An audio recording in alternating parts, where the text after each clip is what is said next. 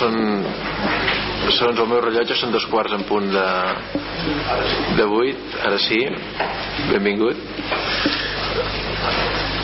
abans de, de, com, de començar aquest eh, ple ordinari de mes d'octubre malauradament hem de tornar a fer un minut de silenci eh, per les víctimes de la violència masclista i també eh, n'hem parlat amb tots els regidors del consistori. Eh, faríem eh, aquest minut de silenci també per la víctima del tràgic accident de, de la C-17 ocorregut fa, fa dos dijous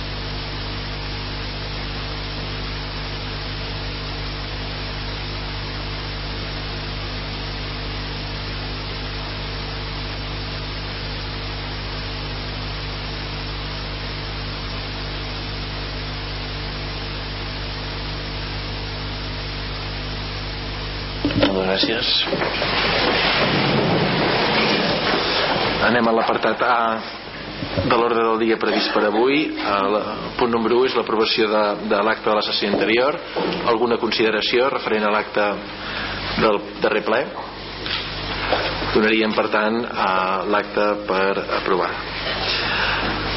Passem a l'apartat B de les resolucions del govern. El punt número 2 de l'ordre del dia és l'aprovació del protocol per a l'abordatge de la violència masclista dins l'àmbit de la parella a Manlleu.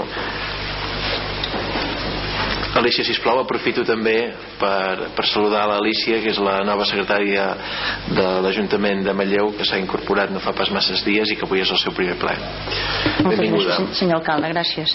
Uh, els acords en, aquesta, en, aquesta, en aquest dictamen són primer aprovar el protocol per l'abordatge de la violència masclista dins de l'àmbit de la parella en Manlleu, que han elaborat diferents tècnics de diferents àrees de l'Ajuntament, del CAP Manlleu i de la Policia Autonòmica, còpia de la qual s'adjunta l'expedient ABS barra 124 barra 2016 2016 segon facultat tan àmpliament com en dret sigui necessari l'alcalde de l'Ajuntament de Manlleu per la signatura d'aquest protocol així com qualsevol altre document necessari per a l'execució d'aquests acords.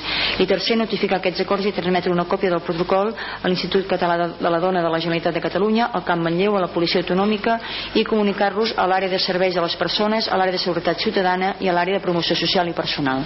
Moltes gràcies Dolors, sisplau Gràcies, alcalde. Bon vespre a tothom. Uh, només alguns mots de presentació del, del protocol. Uh, en primer lloc uh, dir que aquest és un, un protocol que de fet uh, resulta de la revisió i actualització del protocol que actualment teníem que data de l'any 2005 uh, d'alguna manera ha vingut en pes pel fet doncs, que hi ha hagut alguns canvis eh, legislatius de legislació per tant doncs, s'ha doncs, adaptat i eh, això ha implicat també doncs, introduir-hi eh, en, en aquest protocol alguns àmbits que no hi, eren, que no hi tenien presència eh, com per exemple l'àmbit educatiu. Eh, també durant aquest temps s'ha modificat alguns dels recursos que, que hi havia per tant amb tot això diguem hi ha hagut una comissió de treball eh, en diferents àrees implicades. Després la, la meva companya regidora la Carme també us farà la presentació una mica des de l'òptica eh, de l'àrea de seguretat ciutadana. Mm, Val a dir que la consciència social entorn d'aquest tema ha millorat en els darrers anys, eh, anem avançant pas a pas, eh, però tot i així eh, les evidències ara mateix eh, venim de baix de l'acte que fem cada mes abans del ple. Eh, les 79 víctimes més les víctimes que anem sumant cada mes és un drama terrible. Eh, per tant hem de seguir-hi treballant eh, també les dades que tenim des del propi servei que té l'Ajuntament, el Servei d'Informació i Atenció a les Dones, en aquests moments tenim en actiu més de 40 casos de violència de gènere que estem treballant aquí a Manlleu. Eh, per tant són dades que, que encara ens han de fer reflexionar i que justament també eh, ens posen en evidència la necessitat i la utilitat que ha de tenir un protocol del, com el que avui en proposem de, de que s'aprovi en el ple. Eh, voldria remarcar també el treball preventiu que es fa sobretot amb els tallers eh, a les escoles eh, per potenciar doncs, les relacions d'igualtat eh, tot el treball que fem doncs, a l'entorn del, del CIAT com dèiem abans, en l'organització de diferents campanyes i com ara properament tindrem la campanya del 25 de novembre ja estem preparant també doncs, tots els actes que han d'ajudar a, a, a fer aquesta, aquesta tasca de consciència social i que tenim una, una obligació com a administració pública. Eh, l'objectiu que té aquest protocol és que puguem millorar la resposta que donem davant d'aquests casos de violència i que aquesta resposta sigui ben coordinada i que treballem d'una manera unificada eh? per tant eh, doncs, per això aquesta comissió de treball hi ha hagut eh, tota la participació dels diferents agents com heu pogut veure en la prèvia que hi ha en el, en el protocol mm, dir també que hi ha un circuit supracomarcal eh, per tant aquest protocol s'emmarca aquí dins que es va aprovar l'any 2014 i el comarcal que també s'està actualitzant en aquests moments i en què el CIAT ja eh, i Manlleu hi està participant de manera activa eh? per tant tenim aquesta vinculació també amb altres protocols mm, també tenim una comissió de violència masclista per tant eh, es fan trobades trimestralment i es van fent seguiments d'aquest tema i per acabar voldria remarcar doncs, la importància d'haver implicat les escoles l'àmbit educatiu que han donat també el vistiplau per intervenir en aquest circuit perquè moltes vegades aquesta detecció és molt difícil, sabeu que aquest tipus de violència queda tancada, amagada dins la llar. És molt difícil a vegades trencar aquest cercle de silenci d'aquestes dones que no, eh, no surten a denunciar aquests fets. Per tant moltes vegades és en aquests àmbits més propers com pot ser l'àmbit educatiu que es poden detectar aquests casos i que podem doncs, posar-hi eh, totes les, les eines que, que, tindrem, que tenim al nostre abast eh, per tant doncs, aquest és el, el protocol que, que avui portem a aprovació Carme? Gràcies Dolors. Continuant amb el, amb el que diu la Dolors, avui és un dia en el qual tenim un protocol eh, que sense ni ets ni uts defineix conceptes com el masclisme, el sistema patriarcal, la violència simbòlica, la violència física, la psicològica, moltes de les quals moltes persones no saben que les repeteixen i com deia la meva companya la Dolors, evidentment hi és. Amb el tema més eh, policial us puc dir que nosaltres, eh, la policia, tant policia local com Mossos d'Esquadra, som molt cop de xoc moltes vegades que rebem a les víctimes directament o arran d'una trucada d'emergència arribem al domicili i és quan nosaltres ens posem a, a treballar. Si hi ha qui xalla doncs posem tots els serveis en, en funcionament. I llavors si és de nit o de matinada també tenim els nostres serveis d'urgència l'any demà al matí directament serveis socials. El tema de la legislació que ha canviat és que cada vegada que hi ha una denúncia per violència de gènere s'ha de fer un qüestionari a la víctima. I en aquell moment eh, ja surt una, una fitxa a la qual surt la gravetat de la situació de la persona i ja s'activa el protocol que necessita aquella persona per eh, que tingui una vigilància i perquè tingui una, una atenció particular fins que arribi el seu tema al jutjat. Per tant, avui és un dels dies que ens sap greu, en certa manera, aprovar un protocol perquè no tindríem de tenir protocols en aquests casos per aquest tema i també continuant treballant i fent la, la pregunta que em va fer la Tània amb el que n'hem parlat abans Tània, amb referència a les persones que queden callades i un altre tema de violència, eh, ja t'he comentat i et faig esment també que estem treballant amb els Mossos d'Esquadra i participaràs activament també amb, amb, amb aquestes xerrades que farem i amb aquesta formació. Per tant, nosaltres aquest protocol ens serveix per treballar encara més professionalment del que treballàvem abans. Gràcies. Moltes gràcies. A Carme, alguna intervenció? La Laura i la, i la Marta. Comença Marta, si plau. Bon vespre a tothom. Eh, només era per preguntar, eh, perquè ara mateix no ho recordo, no, no recordo que ho tinguem a Manlleu, però sí que està, nosaltres ens n'alegrem que hi hagi, que, que avui estem aprovant aquest protocol, ens n'alegrem moltíssim, però no recordo en aquest moment si hi ha algun protocol també relacionat amb violència masclista amb infants, relacionat directament. Ja sé que hi ha el protocol d'infància i maltractament, però quan estem parlant de violència masclista moltes vegades els nanos són també els que reben, els petits són els que reben. I per tant és important lligar d'una manera o altra els protocols que en aquest moment estem intentant aprovar i, i per tant estaria bé fer imbotxe alguna, alguna modificació. Ja sé que anem molt tard però potser estaria bé poder introduir eh, doncs la violència derivada d'aquesta de, violència masclista que reben els infants a casa seva. Està molt bé que ho fem a les escoles perquè precisament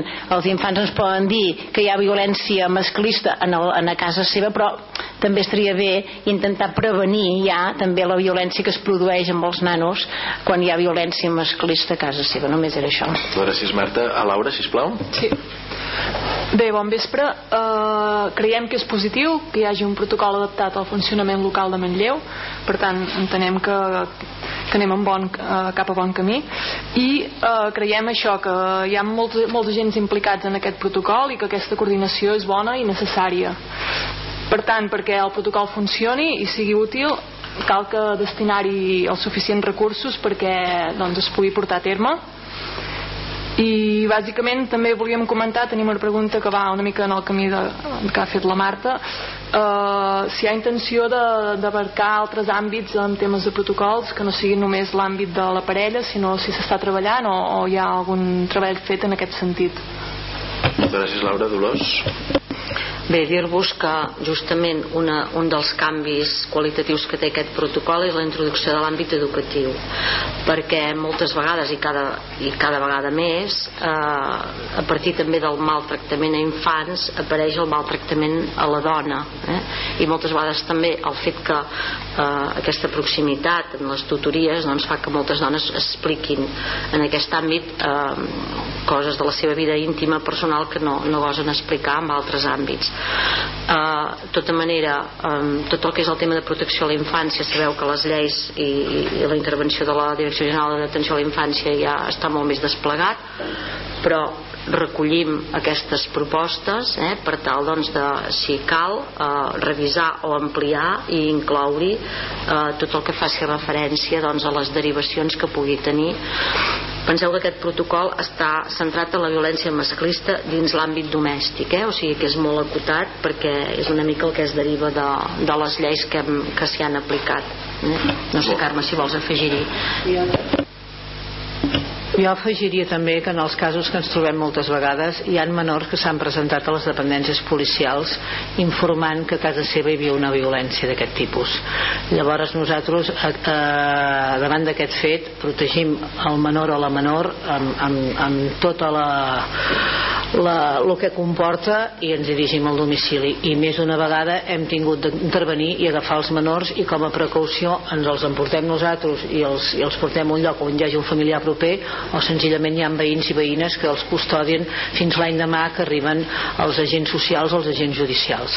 Però vull dir que quan hi ha un menor eh, eh, entremig i ells mateixos venen aquí que a vegades un cas que us explicaré i és molt curt que va venir una personeta amb una maleta dient que marxava de casa seva per un tema més greu que una violència de la mare, del pare cap a la mare sinó cap a ella, vull dir que llavors sapigueu que es posen a treballar tots els factors i tal, però si convé regular-ho, a part de que hi ha l'EAI, la de Gaia i tot, crec que no estaria de més. I a més a més un menor, avui en dia els menors amb les informacions que tenen i tal, jo crec que la valentia que tenen davant de presentar-se d'una comissaria policia o d'un agent social o del metge o la doctora en aquest cas crec que també és un referent que, important.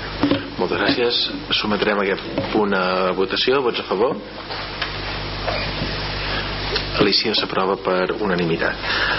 Passem eh, al punt número 3 de les resolucions de govern. Eh, l'aprovació del calendari fiscal de l'exercici 2017 Alicia, sisplau Sí, els acords són aprovar el calendari fiscal per a l'exercici de 2007 en els termes que tot sigut s'especifiquen.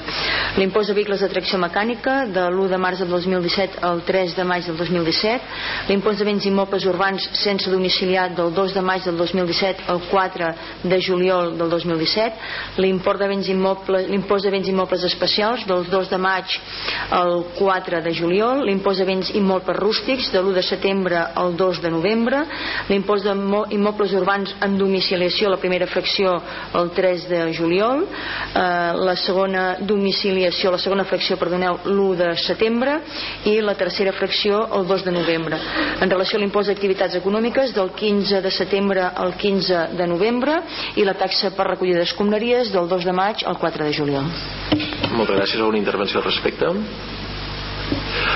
Aprovem, doncs, eh, bé, posem-ho a la votació primer. Eh, vots a favor? Ara sí, s'aprova per unanimitat passem al punt número 4 um, aquest sí que no hi ha votació simplement és uh, a tall informatiu que és l'informe trimestral de la llei de morositat any 2016 Alicia, sisplau Sí, els acords es prendran coneixement dels informes de morositat corresponents al tercer trimestre de 2016 que figuren annexos a l'expedient. Moltes gràcies, Marta Alzina. Sí, el ple passat vam eh, donar compte de les dades del segon trimestre i ara ja donem compte de les del tercer. Eh, la dada continua no sent la que hauria de ser, continua estant lluny dels 30 dies, estem encara en els 46 dies. De fet, el pla de xoc que us vaig explicar que no ha tingut encara temps de, de donar fruits. Esperem que quan us comuniquem, us donem compte de les dades del quart trimestre, ja ens apropem més a aquests 30 dies. Alguna intervenció? Benjamí, sisplau. Bé, des del nostre grup, primer de tot bona nit Uh, S'ha de dir que estem desconformes amb, amb aquesta, aquest informe negatiu al respecte de llei de morositat degut a que hi ha un retras al pagament. Qualsevol persona a nivell industrial a nivell comercial quan fa una feina doncs en aquest cas acabada doncs, té la percepció de cobrar-la. El que des de l'Ajuntament demanem aquest exemple i que si hi ha mesures que regulin i que facin eh, doncs, possible que aquest temps eh, sigui el que marca la llei doncs que es compleixi moltes gràcies. Bé, eh, com deia, aquest punt no es sotmet a, a votació. Passem ara eh, als punts 5 a l'11, eh, relatius a les ordenances fiscals del 2007. Eh, si et sembla, eh, Alicia, els, els, llegiríem, els llegiríem tots, els debatrem conjuntament eh, i els votarem eh, llavors cada punt per separat. Alicia, sisplau.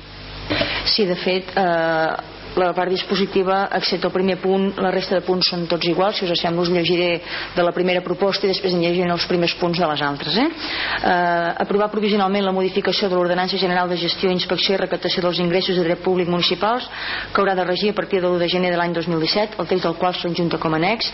Segon, obrir un termini d'informació pública d'aquests acords mitjançant la publicació de l'anunci d'exposició corresponent al butlletí oficial de la província de Barcelona i un mitjà de comunicació escrit diari de la província i exposar-lo al tauler d'anuncis de la corporació per un termini de 30 dies hàbils comptadors des de la de, de la darrera d'aquestes publicacions als efectes de presentació de reclamacions.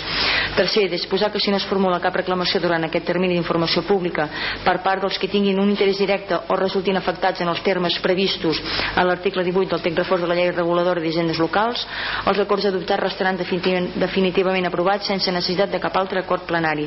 En aquest cas, es procedirà immediatament a la publicació en el butlletí oficial de la província del text íntegre de l'ordenança general. Notificar aquests acords a l'organisme de gestió tributària de la Diputació de, de Barcelona. El següent punt seria el primer, aprovar provisionalment la modificació de l'ordenança fiscal número 3 regulador de l'impost sobre vehicles de tracció mecànica que haurà de regir a partir de l'1 de gener de l'any 2017, el text del qual s'ajunta com a annex. Eh, el següent punt seria aprovar provisionalment la modificació de l'ordenança número 4 reguladora de l'impost sobre l'increment del valor dels terrenys de naturalesa urbana de cara a l'any 2017 aprovar provisionalment la modificació de l'ordenança fiscal número 5 regulador de l'impost sobre construccions, instal·lacions i obres que haurà de regir a partir de l'1 de gener de l'any 2017 aprovar provisionalment la modificació de l'ordenança fiscal número 11 reguladora de les taxes per la prestació de serveis generals i realització d'activitats administratives que haurà de regir a partir de l'1 de gener de l'any 2017 l'ordenança aprovació provisionalment de la modificació de l'ordenança fiscal número 12 que regula les taxes per l'autorització privativa o l'aprofitament especial del domini públic local que haurà de regir també a partir del gener de l'any 2017 el següent és l'ordenança fiscal número 21, que és de més aprovar provisionalment la modificació de l'ordenança fiscal número 21, reguladora de les taxes per la prestació dels serveis d'intervenció administrativa en l'activitat dels ciutadans i les empreses a través del sotmetiment a llicència prèvia, comunicació prèvia o declaració responsable i pels controls posteriors a l'inici de les activitats, que haurà de regir també a partir de l'1 de gener de l'any 2017 diria que això ja és tot, eh? Moltes gràcies. Uh, Marta Alzina, sisplau. Bé, Uh, diguem que els dos principis que han inspirat uh, les propostes que presentem són de fet els mateixos que ja van inspirar les de l'any passat i que estan de fet en el pla d'actuació municipal uh, aprovat per aquest equip de govern. La sostenibilitat uh, financera dels serveis municipals per una banda i la equitat per l'altra banda.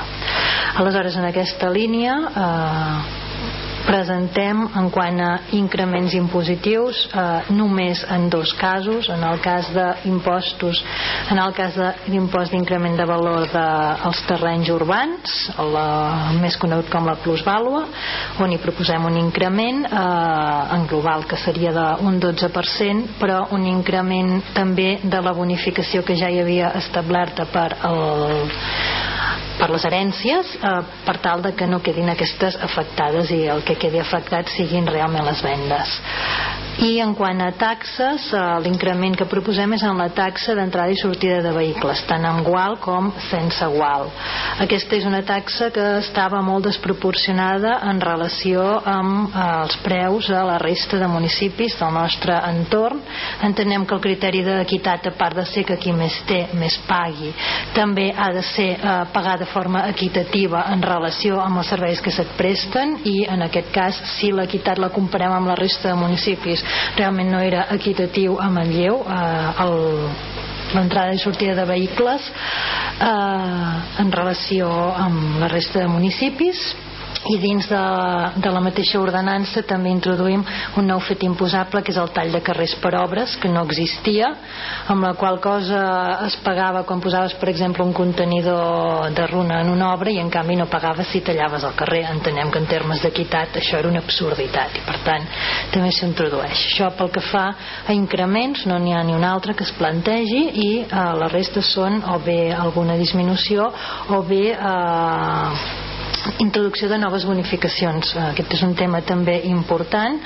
En l'impost de construccions eh, s'introdueixen noves bonificacions que van en la línia de la promoció de la nova activitat econòmica especialment comercial. Ja n'hi havia algunes però n'hi afegim.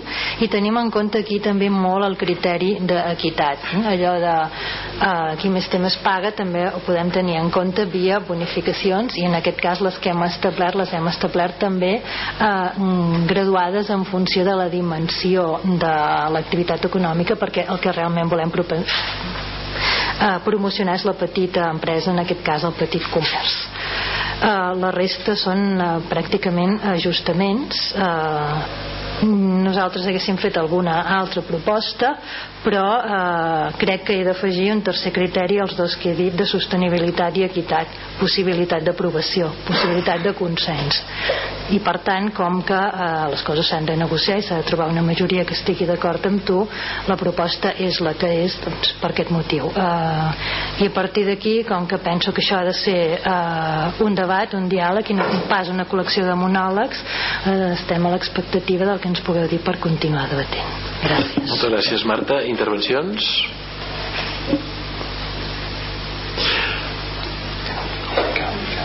Miquel uh, no, uh, Maites Bon vespre a tothom. Uh, amb aquestes modificacions hi ha voluntat de donar perspectiva social a la política municipal. Hi ha taxes que es mantenen sense augmentar-les, encara que els seus ingressos no cobreixin els gastos que comporten. També crec que s'aplica un accent social amb el manteniment de les bonificacions fiscals i amb el diàleg hem arribat a un consens i hem aconseguit que els augments proposats siguin mínims i moderats per així garantir la sostenibilitat econòmica. Uh, moltes gràcies. Uh, Toni? Gràcies, senyor alcalde. El grup del PSC votarà a favor d'aquesta proposta. Doncs respon a criteris de racionalització. S'ha produït una contenció, no hi ha hagut un augment d'impostos, cosa que en els temps que corren entenem que no, que no calia i en futures ocasions parlarem de noves propostes com va plantejar l'equip de govern. A dia d'avui no hi havia consens entre els grups per fer propostes més agosarades com modificacions de l'IBI o modificació de la taxa d'escombraries i en properes ocasions ho, ho tractarem. Eh, també hem d'agrair a l'equip de govern que ha tingut la sensibilitat amb una sèrie de bonificacions que aquest, equip, que aquest grup ha, ha proposat com ara amb el tema dels vehicles eh, antics o com ara amb els vehicles híbrids la qual cosa agraïm i per això votarem a favor. Moltes gràcies a Toni Ismael. Bon vespre a tothom Uh, bé, des de la CUP, uh, malgrat sembli estrany, uh, primerament volem parlar de dues ordenances que, que sorprenentment avui no s'han presentat uh, per a la seva modificació, malgrat ser les ordenances de més calat. Uh, aquestes són l'IBI, uh, l'impost de béns immobles i la taxa per la recollida de residus, el que coneixem popularment com les escombraries. Um, volem parlar de l'IBI perquè malgrat sembli que no, que no ha passat res des del nostre punt de vista s'hi han passat coses i moltes en relació a aquest punt. I des de que vam encetar el debat des de, de les ordenances fiscals ara fa cosa d'un mes. Com l'equip de govern sap i la resta de grups de l'oposició també, també en són perfectament coneixedors la CUP vam presentar una proposta eh, de modificació de l'IBI que a més a més hem fet pública i que hem emplaçat a la resta de grups per, per treballar-la i, i que es basava en el mateix esquema progressiu aprovat l'any passat però que volia aprofundir en, en l'equitat d'aquest impost. Dit d'una altra manera de forma clara i diàfana la nostra proposta tenia com, com a objectiu rebaixar l'IBI al 100% d'habitatges i al 90% de comerços, indústries, oficines, magatzems i aparcaments torno a repetir perquè sembla que aquests dies eh, ha costat eh, fer entendre la idea amb alguns regidors i regidores. La nostra proposta tractava de rebaixar l'IBI del 100% dels habitatges al 90% de comerços, indústries, oficines, magatzems i aparcaments. Eh, és evident que per mantenir la, la recaptació que es va aconseguir l'any passat eh, eh, s'havia d'incrementar l'IBI al 10% dels usos restants i que hem anomenat anteriorment. Um, eh, era evident també que s'havia de mantenir com a mínim la recaptació que, que es va aconseguir l'any passat i l'única manera d'aconseguir-la era aprofundint en, en, la, en la progressivitat i que alhora s'aconseguís una rebaixa de l'IBI a una gran majoria social de Manlleu per què des de la CUP vam, vam presentar aquesta proposta d'IBI?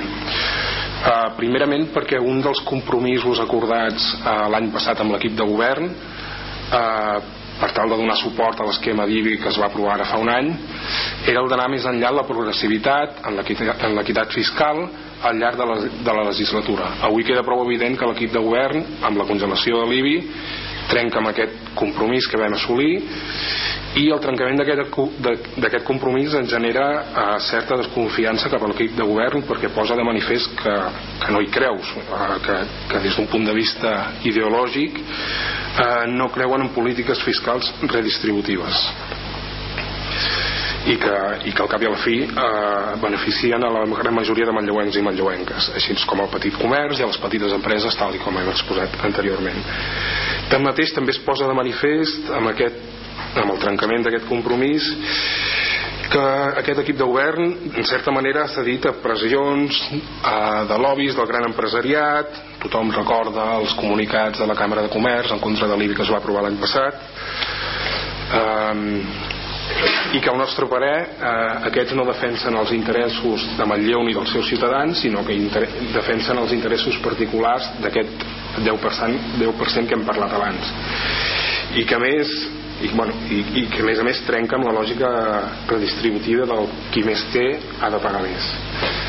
Per tant, lamentem profundament que l'equip de govern no hagi tingut la voluntat ni la valentia política d'aprofundir la progressivitat fiscal de l'IBI i presentar una nova proposta sota aquest esquema. I ho lamentem profundament perquè qui més perd al final és la gran majoria de ciutadans de Manlleu.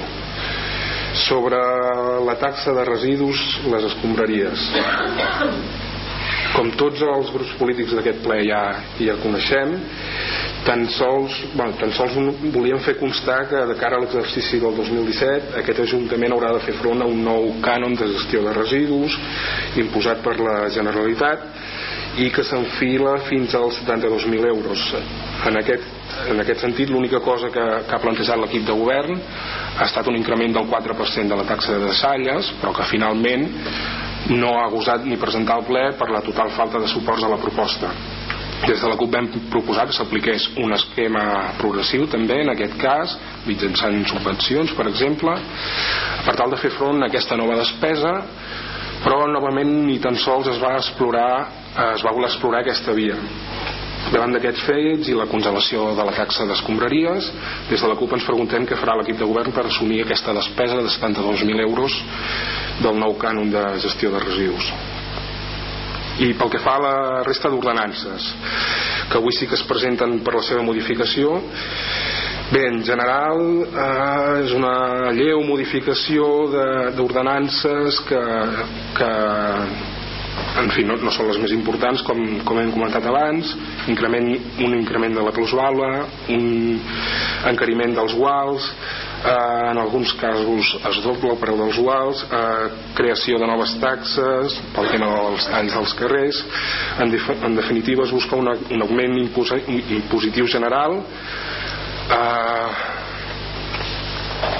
que eh, no es combina eh, de cap manera amb, amb, la amb la progressivitat fiscal que, que nosaltres eh, proposem eh, per tant eh, no podem parlar ni de redistribució ni d'equitat i en definitiva ni de, de, justícia, de justícia fiscal per totes aquestes raons, la CUP farem un vot de desconfiança a la política fiscal d'aquest govern i direm no a les propostes de modificació d'ordenances fiscals presentades avui al ple. Gràcies. Moltes gràcies, Ismael. Benjamí, sisplau. Senyora regidora d'Hisenda, en primer lloc, el nostre grup eh, li desitja o la vol felicitar degut a l'acurada presentació tècnica que s'ha fet durant aquestes comissions informatives de les ordenances fiscals que ens han permès, sens dubte, poder interpretar bé la proposta política de l'actual equip de govern. Quin és el nostre quin per al nostre grup és el problema o els problemes de fons? Ho hem manifestat des de primer dia. S'han de prendre mesures per reduir la despesa i augmentar els ingressos i impostos sense haver estudiat en detall la possibilitat de reduir-la que faria possible que aquesta reducció dels impostos afectés els nostres ciutadans. Veiem-ho, no són paraules, són xifres. Ens costarà l'Ajuntament el 2017 el servei de recollida 1.787.000 euros que no cobreix la taxa actual d'escombraries que només arriba a recaptar 1.483.000 euros o sigui que hi ha una pèrdua o una diferència de 304.000 euros que no es recuperaran degut a que el servei supera els ingressos. Per nosaltres això en diem mala gestió. En el món empresarial ja tindrien d'haver tancat l'empresa per pèrdues. Ja sabem que un ajuntament no és una empresa, però el que no podem fer és saber que aquest servei no és eficient i no fer-hi res o al contrari, pujar les taxes d'escombraries un 4% als ciutadans com estava previst fer en aquest ple d'octubre i al no trobar suport s'ha retirat. Al ple, de, al ple del mes de maig d'enguany es va presentar una moció per reformular el servei de recollida. Comparant si el servei de recollida licitant-lo des de l'Ajuntament i no a través del Consell Comarcal ens podíem estalviar aproximadament uns 300.000 euros. I encara no en sabem res. El que dèiem manca de gestió. Per contra, ara veiem que el servei puja uns 304.000 euros 473 eh, més, o, més o sigui que el que aquest servei del 2007 ens pot costar uns 604.473 euros si s'hagués fet una bona gestió per una decisió no presa de l'equip de govern estudiar una gestió pròpia o a través del Consell Comarcal. Un altre punt que ens sobta és que hi ha un servei d'escombraries al qual tinc associat unes despeses indirectes de 260.000 euros que recauen sobre l'Ajuntament però amb un servei que està externalitzat a la, a la passada comissió el dia 10 d'octubre van demanar d'on sortia aquest import i encara no han rebut la informació. Suposo que en breu ens ho fareu arribar. En resum, des del punt de vista extern veiem que ha manca que manca molta feina pel que, pel que fa a reduir la despesa i no només analitzant a fons un dels serveis.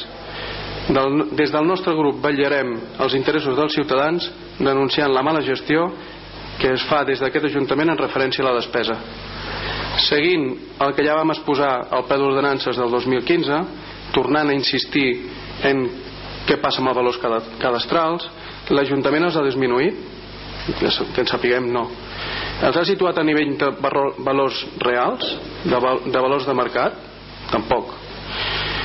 Com pot ser que un manlleuenc hagi de vendre a preu de mercat un immoble que per un valor real inferior al cadastre? O sigui com és possible que una persona vengui el seu, la seva vivenda per sota del preu de cadastre? Podem dir el mateix sobre l'impost de plusvàlua que puja un 12% que de fet en aquest temps hauríem de, de qualificar com ja vam qualificar el seu dia de minusvàlua, no plusvàlua minusvàlua. Per quina raó l'Ajuntament no adapta la vàlua cadastral a la seva vàlua real? Seria lògic, seria just.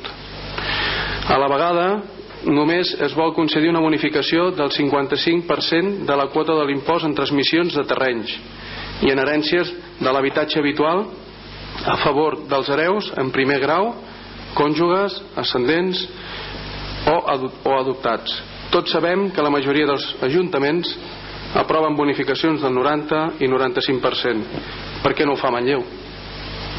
I sobre l'ICIO, tenim en compte que és un tribut potestatiu, que el tipus màxim aplicable és del 4%, i vostès el situen gairebé en aquest tipus, concretament amb el 378 pot assegurar que les bonificacions que es compensen aquest tribut, en aquest cas avui se'n parlen de bonificacions de l'ICIO quan s'està eh, tenint, en compte una puja que es podia condemnar totalment i no tenir-la ni aplicar-la o seria més pràctic baixar aquest tipus i ja no caldrien les bonificacions podríem citar encara algun altre impost com el de les contribucions prou important. Si es vol que Manlleu reprengui l'activitat de construcció o d'ocupació via pública part dels bars i restaurants, no en pipem, no en pipem. Al contrari, deixem que la gent es guanyi la vida i no es gravem des de l'Ajuntament perquè la vida ja és molt dura i molt difícil. Per tant, i en resum, ens veiem obligats per molt que la informació que ens, ens ha proporcionat sigui tan acurada i per una obvietat de defensar models de gestió al respecte de l'IBI que es podien haver pres decisions de benefici a la ciutadania si s'hagués si reduït la despesa que era el nostre objectiu i hem relatat i el tema de taxes d'escombraries que el que no pot ser és que un servei ens costi més del que realment ingressem. A causa de l'import elevat de la taxa d'escombraries com comentàvem que afecta molt directament a les butxaques dels manlleuencs i a més d'altres taxes, tributs i impostos municipals que avui no s'han parlat però que castiguen l'activitat econòmica de la gent de Manlleu en lloc d'afavorir-la. També i molt decididament per no haver baixat els imposts o els valors, perdona, del cadastre i per què no compartim el joc que vostè practiquen entre tipus elevats i bonificacions tributs que són potestatius i podrien simplement no cobrar-los en absolut volem insistir que és una idea bàsica per a nosaltres la necessitat d'afavorir la creació de riquesa i de llocs de treball. Tanmateix estaríem disposats a estenir-nos malgrat tot si l'equip de govern es compromet ara formalment a rebaixar el cadastre l'any vinent i també com a senyal de bona voluntat per part nostra. Moltes gràcies Benjamí. Uh, Marta sisplau. Miguel eh, abans has... sí eh, mm, eh, quin, quin, eh, vaig, vaig llegir que, en, que no s'ha comentat ara suposo que és perquè ja se va aprovar en el seu moment la, la tassa dels pisos buits. Aquella ja va quedar aprovada i no, no cal ara tot, i això està en, en principi no sé si està, si s'està aplicant o no s'està o s'ha d'aplicar però en principi va quedar aprovada i ara no, no cal mencionar-la. Uh, rèplica Marta Parlem de l'IBI, companyes de la CUP, parlem-ne. Si l'equip de govern no cregués en una política fiscal redistributiva, creieu que haurien presentat la proposta que vam presentar l'any passat? Si l'equip de govern cedís a les pressions del lobby empresarial, creieu que aquest any l'IBI no estaria dins d'aquesta proposta? perquè vaja, si creieu això em penso que potser eh, no teniu tota la informació la proposta d'IBI que vam fer l'any passat demostra clarament que creiem en la política redistributiva no en teníem cap necessitat el flanc dret d'aquest eh, consistori ens hagués donat suport en una política que no tingués res a veure amb la que vam presentar. Igualment, aquest any, si haguéssim cedit a les pressions de determinat lobby empresarial, en aquests moments aquí hi hauria una proposta de rebaixa de l'IBI, no pas una proposta de, de congelació de l'IBI. Ara bé, una cosa és eh, creure en la política de redistribució i apostar per l'equitat i l'altra és que òbviament el concepte d'equitat com tots els conceptes no és un concepte absolut sinó que és un concepte relatiu i per tant com a concepte relatiu cadascú pot tenir el seu Eh, evidentment que eh, d'acord amb la llei podíem continuar apujant els coeficients de l'IBI del 10% d'indústries, de, eh, de comerços eh, i de solars i eh, perdó, de solars d'aparcaments i magatzems. El d'oficines no perquè ja el van portar al màxim però els altres sí, els podríem haver continuat pujant. És a dir, en aquesta línia hi ha marge. Ara bé, això seria aprofundir en l'equitat eh, anar fins al límit és aprofundir en l'equitat l'any passat vam debatre i vam debatre a fons i vam dir que l'eina que l'Ajuntament tenia per treballar en aquesta línia era l'IBI, que no en tenia d'altres. Però també vam estar d'acord que l'IBI no era precisament el millor impost per tal de eh, que qui més té més pagui. Perquè és un impost que grava no pas la renda sinó la propietat.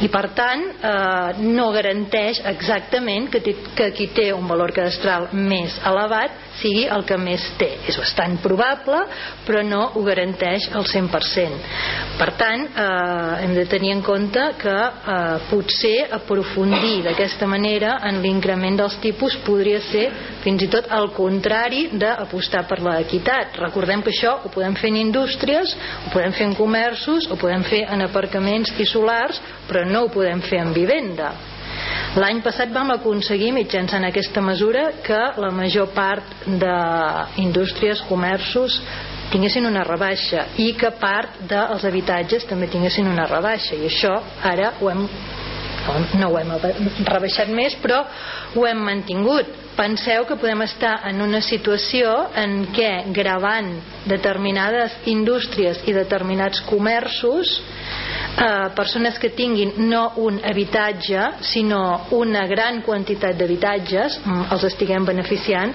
respecte a aquell que té una indústria que està en el límit. I ara podem acabar eh, potser d'ensorrar-lo. És a dir, d'acord, equitat sí, tampoc cal que siguem confiscatoris. I nosaltres ens semblava en aquests moments que portar aquesta política més enllà podria ser tot el contrari de l'equitat d'altra banda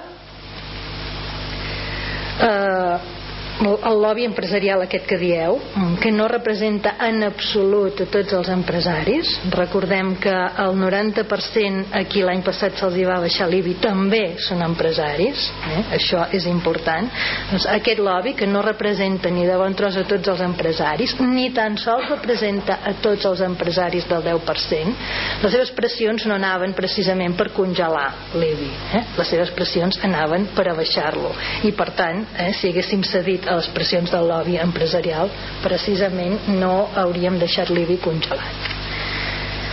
Pel que fa eh, a la resta, realment no crec que puguem parlar d'un augment impositiu general quan només es toca un impost eh, i una taxa i eh, en quant a la progressivitat Home, pensem que les bonificacions que es plantegen en l'impost de construccions, ni que siguin modestes, i ni potser ens hagués agradat que, que fossin més agosarades, però ni que siguin modestes, van en aquesta línia, perquè és el que dèiem, és a, a, la progressivitat es pot aplicar via tipus, o quan no te la deixen aplicar via tipus, es pot aplicar via eh, bonificacions. I en aquest cas les bonificacions estan clarament graduades per dimensió dels de, comerços i per dimensió de les empreses. Per tant pagaran més aquells grans comerços òbviament que els petits comerços que es beneficiaran d'una bonificació. I pagaran més les grans empreses que ens demanin una llicència d'obres que no les petites empreses que es beneficiaran d'una bonificació. Potser són mesures modestes però són mesures que van en aquesta línia, van a la línia de la progressivitat impositiva. Per altra banda, eh, la taxa de deixalles. La taxa de deixalles és evident que no l'hem portada al ple perquè no havíem trobat el consens nosaltres també estem d'acord, companys de Convergència i Unió, que eh, les taxes haurien de cobrir el cost del servei. En això hi estem d'acord. Eh, el que passa que no sempre és possible arribar a un consens. En aquest cas, eh, el cost del servei s'incrementa bàsicament eh, per raons externes a l'Ajuntament, per un cànon, per un cànon eh, de la Generalitat. Eh, nosaltres creiem que podria ser més interessant que intentéssim cobrir el cost d'aquest servei via taxa perquè si no ho hem de cobrir via impostos. Mm, una empresa potser sí hagués hagut de tancar. Nosaltres tenim diferents fonts de finançament. Tenim la taxa i tenim els impostos preferiríem poder finançar els serveis a través de la taxa però evidentment bé ho podem fer a través dels impostos com el finançarem? doncs fàcil eh? caldrà estalviar en altres bandes per poder fer front a aquesta despesa que aquesta no ens la podem estalviar evidentment ni en ni la volem estalviar. Eh, respecte a si aquest eh, servei es podria prestar per un cost inferior en tot cas això eh, ho comentarà la, la Maica millor que jo perquè ella és qui ha estat treballant en el compromís de, de la moció del passat mes de maig. Però eh, eh, allò era una hipòtesi allò era una hipòtesi. I eh, parlem del servei de recollida de deixalles i neteja viària. Recollida de deixalles i neteja viària. La taxa òbviament només pot gravar la recollida de deixalles. La neteja viària no es pot gravar. Podríem assolir estalvis en neteja viària en recollida de deixalles és difícil, eh? pràcticament impossible. Podríem assolir estalvis en neteja viària? Està per veure, la Maica us ho explicarà millor i us explicarà millor que els increments eh, que hi van haver en passar d'un prestador del servei a l'altre eren sobretot per millores. Podríem estalviar-nos aquestes millores? Sí, sempre ens podem estalviar millores. L'altra pregunta és si volem estalviar-nos millores, si eh, els malleuencs estan o no estan satisfets amb aquest servei i si eh, voldrien acceptar una reducció en aquest servei. I com en aquest, en qualsevol altre dels serveis que presta l'Ajuntament. És a dir, que la decisió és aquesta. Estem contents amb la qualitat del servei i per tant estem disposats a pagar-ne el preu que en paguem o estem disposats a renunciar a aquesta qualitat i estalviar-nos diners. Aquesta és una de les decisions. L'altra decisió és, evidentment, estem disposats a continuar oferint en els ciutadans tota la cartera de serveis que li estem oferint? En aquests moments més de 100 serveis, alguns dels quals no els presta segurament cap altre ajuntament de la comarca. Hem de recordar, per exemple, que tenim dues escoles bressols municipals, hem de recordar que tenim un equipament cultural de la potència del Museu del Ter que pocs ajuntaments tenen, hem de recordar que tenim uns mitjans de comunicació municipal, hem de recordar que tenim eh, serveis socials de l'estil dels serveis d'atenció domiciliària, de l'estil del transport transport col·lectiu adaptat. Quants ajuntaments tenen transport col·lectiu adaptat? Del centre eh, del servei socioeducatiu del centre obert Trip i Joc quants ajuntaments tenen aquest servei? Per no parlar de piscina municipal per no parlar eh, de pavelló per no parlar del camp de, futbol tot això és municipal tot això, tots aquests serveis els presta l'Ajuntament i tot això té uns costos. Eh, estem disposats a renunciar a algun d'aquests serveis per tal d'estalviar eh, ho hem de debatre moltes gràcies. Uh, no sé si hi ha alguna rèplica. Començaria l'Ismael, sisplau.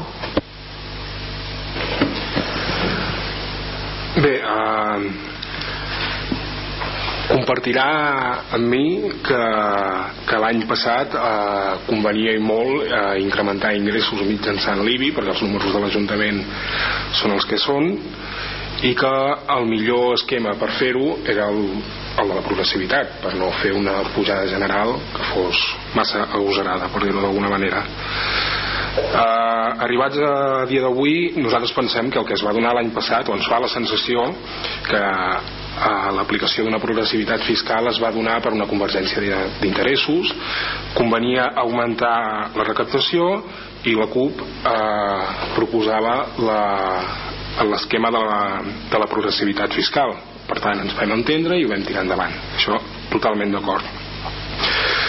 Però a dia d'avui eh, per què no es vol abaixar, rebaixar l'IBI al 90% de, insisteixo, eh, d'empreses, de comerços, de magatzems i a més a més el 100% d'habitatges eh, entenem que aquest 10% el que demanem l'augment no és una petita indústria, no és un petit comerç, en tot, majoritàriament són grans superfícies, grans empreses que aquest, aquest increment de l'IBI eh, el fa pràcticament pessigolles i a més a més ho podríem compensar rebaixant, rebaixant l'IBI a una gran majoria social de Manlleu que segurament ho, ho agrairia amb la situació de crisi econòmica en la que estem eh, en cap moment hem plantejat anar al límit.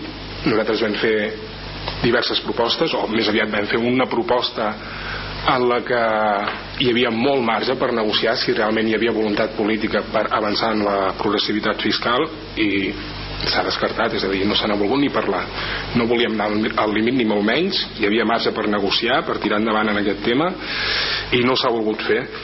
Uh, llavors pel tema d'habitatges, home, sí, sí que hi pot haver progressivitat fiscal en, en l'IBI d'habitatges. És més, l'any passat ho hem acordat eh, a través de les de subvencions hi pot haver certa progressivitat en l'IBI pels, pels habitatges. Per cert, acordat l'any passat i de moment encara no aplicat també. A partir d'aquí, gràcies. Gràcies Benjamí, sisplau uh, des del nostre punt de vista uh, no sé on hi ha hagut la intenció de reduir serveis en cap moment, és optimitzar els serveis que s'estan donant amb un aspecte econòmic. En cap moment hem parlat de piscina que podíem parlar-hi i, i segurament d'una manera molt extensiva perquè segurament és deficitària com era el Museu Industrial del Ter al seu dia que vam aconseguir que hi hagués una vinculació des del nostre grup de l'anterior legislatura que va fer sobretot una persecució d'una gestió inadequada de lo que és el Museu Industrial del Ter i actualment no tenim un benefici un benefici econòmic eh, realment és eh, ser estricte amb la despesa. No demanem res més res més, ser estricte amb la despesa. Hipòtesis, cap ni una. Hipòtesis basades en dades recollides d'intervenció les quals es van sol·licitar des d'un grup polític i es va fer una, uh, un, un estudi econòmic. En aquest cas si l'estudi no és no és del tot acurat doncs en aquest cas les dades es van estreure d'aquí d'intervenció eh, i nosaltres no les vam eh, sol·licitar sinó que va ser un altre grup polític el qual va presentar la moció eh, no es va dir que era, que era mentida sinó es va dir que era veritat que antigament hi havia uns serveis que es van ampliar i degut a ampliar-se hi havia econòmicament un, un, un benefici a la ciutat però si abans es feia bé el servei de escombraries perquè ara no es faria eh, amb un import eh, inferior no? o sigui, si abans ja es feia bé ho externalitzem i ho fa el Consell Comarcal. Ho volem recuperar nosaltres. Per quin motiu no es faria si és beneficiós? I estem parlant no d'un d'un aspecte econòmic eh, poc significatiu. Estem parlant de quasi bé 600.000 euros d'afectació que és els 300 que ha pujat més els 300 que ens podíem estalviar això són els números que, que en aquest cas eh, repercuteixen. Sí que em fa gràcia doncs, escoltar que hi ha hagut una rebaixa al seu dia dels impostos a, perquè realment va ser eh, un, un recàrrec que tenia aplicat l'Estat des del 2011 fins al 2015 que el qual el 2016 no es va portar a terme sí que va haver-hi una puja d'aquest 10% de valor cadastral però en aquest cas tots els ciutadans degut a aquest eh, recàrrec aplicat que tenia l'Estat que deixava de, de, de portar a terme el 2016 doncs es van beneficiar. Mm, res més a dir en aquest cas els serveis s'han de donar, no qüestionem, no qüestionem els serveis, sinó que sí qüestionem els calés i a, a què es dediquen i els recursos que, que se'n fa i en quin motiu se'n fan d'ells. Moltes gràcies, Benjamí. A Maica, ràpidament, per al·lusió. Sí, bueno, primer dir doncs, que sí que hem treballat l'informe i que el senyor Sánchez ja el té, que és el que m'havia demanat. Uh, la nostra tècnica de medi ambient el que ha fet és anar conjuntament amb la Diputació a cercles de comparació. Aquests cercles doncs, eh, passem totes les dades que tenim, tots els diners que fem i tot el control de despesa i aquí ens diuen, comparat amb altres municipis iguals que Manlleu, si la despesa ha, marxat molt de lo normal o no. En aquest cas, la tècnica diu que dubtaria de que poguéssim aconseguir alguna més bé de preu. Llavors dic que eh, fem millor neteja o sigui ara els festius netegem més personal tenim les escombradores un conductor, cosa que no teníem fem més fires, hi ha més serveis eh, la maquinària fa dos anys va quedar obsoleta, o sigui ja tenia 12 anys per tant ja, ja es havia de canviar tota doncs tota aquesta maquinària s'està amortitzant. Dic que encara sort tenim de que amb el Consell Comarcal treballem conjuntament perquè tenim la cuba que la compartim ara tenim una plaça de sorra que la reguem el dilluns de mercat una sèrie de detalls que, que podrien anar entrant contínuament i que, i que és millora de servei. Jo penso que Manlleu està molt net i que la gent està molt contenta. Uh, sí que és veritat, com ha dit la CUP se'ns apujarà uns 70.000 euros el que és l'abocador de l'orgànica perquè ens faltaran uns diners. S'han pujat uns cànons des de la Generalitat i això repercuteix amb el nostre pressupost. Jo em sap molt greu que diguin que no fem control de la despesa quan jo estic segur que no hi ha cap més tècnica que la de medi ambient que miri tant la despesa. Uh, no sé quins números feu servir. Uh, nosaltres estem fent un control de seguiment cada 3 mesos conjuntament amb l'alcalde i l'empresa i el Consell Comarcal i home, esclar que em sap greu que digueu que no controlem la despesa quan eh, aquestes reunions el que es fa és contínuament dir quin servei s'ha fet més mm, com podeu veure no hi ha cap grafiti Manlleu ho estem netejant tot o sigui, no sé quina mania s'ha agafat amb aquest servei ara últimament. Moltes gràcies uh, Maica. Uh, breument Marta? Sí, uh, a veure no és que no vulguem baixar l'IBI a tots els ciutadans. Eh, el dia que puguem realment ho farem. I per fer-ho creiem que sobretot el que cal fer és eixamplar la base és a dir, que hi hagi més gent que pagui perquè hi hagi més activitat. I aleshores el que podem fer és baixar l'IBI a tothom si és possible i no és que vulguem apujar-lo a les grans superfícies o a les grans empreses que evidentment no els afecta ni el més mínim aquest impost. Amb això estem absolutament d'acord. L'únic que diem és que l'eina que tenim per fer-ho no només afecta a aquestes grans superfícies no només afecta a aquestes grans empreses sinó que eh, perquè no podem discriminar afecta, malgrat que siguin aquells que tenen un valor cadastral més elevat hi ha afectats col·laterals que són els que realment ho pateixen. I en aquests moments ens semblava que pel fet de no poder discriminar estàvem anant en contra de l'equitat anant més enllà anant més enllà que vol dir que aquestes persones ja paguen entre un 20 i un 30% més que tota la resta que tota la resta d'empresaris. Per tant ens semblava que anar més enllà podia faltar a l'equitat òbviament no de tothom òbviament no de les grans superfícies no de les grans empreses però sí d'altres. Eh, això respecte a l'IBI eh, respecte eh, al control de la despesa ho ha dit eh, molt bé la Maica. Tenim punts de vista diferents. Per vosaltres eh, els serveis podrien estar millor gestionats. Jo hi estic d'acord, això sí els serveis podrien estar sempre millor gestionats sempre hem de treballar a gestionar-los millor i aquí podem estalviar diners. Ara, els diners que podem estalviar i aquí és on hi ha la diferència de criteri entre vosaltres i nosaltres els diners que podem estalviar per nosaltres són molt menys que els que vosaltres penseu perquè el que nosaltres pensem sobretot és que gastem molts diners perquè estem prestant molts serveis i de molta qualitat. Vosaltres penseu que gastem molts diners perquè els estem mal gestionant. Això és el que m'imagino que en el proper any haurem d'intentar eh, averiguar i veure qui té raó. I en quant al tema de eh, l'IBI i del recàrrec que l'any passat va deixar de va deixar de ser-hi, home, evidentment que el recàrrec el va imposar l'Estat, però el cobrava l'Ajuntament, i quan l'Estat eh, el va treure, evidentment, l'Ajuntament podia pujar eh, l'IBI i no ho va fer, per tant, a veure, eh, no tot el mèrit eh, o el demèrit més aviat és de l'Estat. Breument per tancar el debat. Llavors... Bre breument o en aquest cas eh, depenent les interactuacions que puguin haver-hi allargarem o no aquest debat el, en aquest cas s'ha de dir que 260.000 euros eh, s'ha anunciat i s'ha definit com un cost indirecte de l'Ajuntament. Aquest cost indirecte de l'Ajuntament se'ns va dir, o sigui, tu tens un servei externalitzes el servei i a part et costa 260.000 euros com a un cost indirecte no sé, eh, i les dades les hem estret responent a la Maica d'un informe que se'ns va donar a la comissió informativa que hi havia una diferència de 360 304.000 euros de diferència d'ingressos i despesa del servei i 260 en aquest cas de lo que seria eh, una despesa indirecta que no entenem. Si tu gestiones un servei extern perquè ha de tenir un cost de 260.000 euros per l'Ajuntament encara no ens ha respost. Això és bona gestió. Volem que els calés eh, si més no es justifiqui on van a parar i d'aquesta manera nosaltres no tindrem absolutament res a dir amb aquest ple que felicitar que la gestió és correcta i acurada des d'aquest Ajuntament moltes gràcies Benjamí. Ara Toni? Breument, senyor alcalde. Eh, no voldria limitar el debat, però sí m'agradaria delimitar-lo.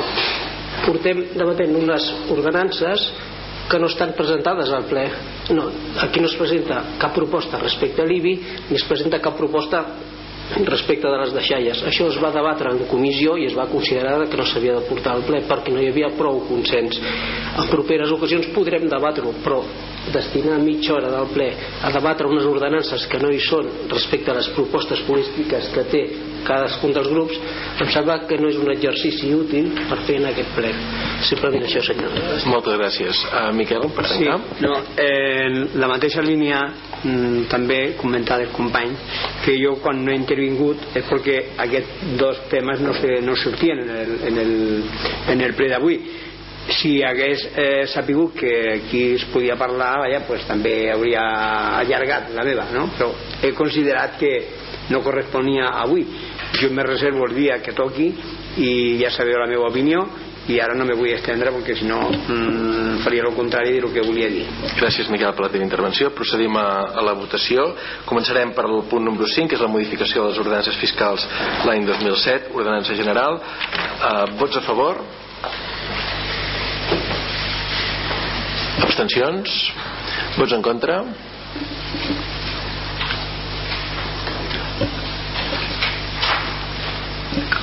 Passem al punt número eh, 6, modificació de les ordenances fiscals per l'any 2007. Eh, OF3, vots a favor? Abstencions? Vots en contra?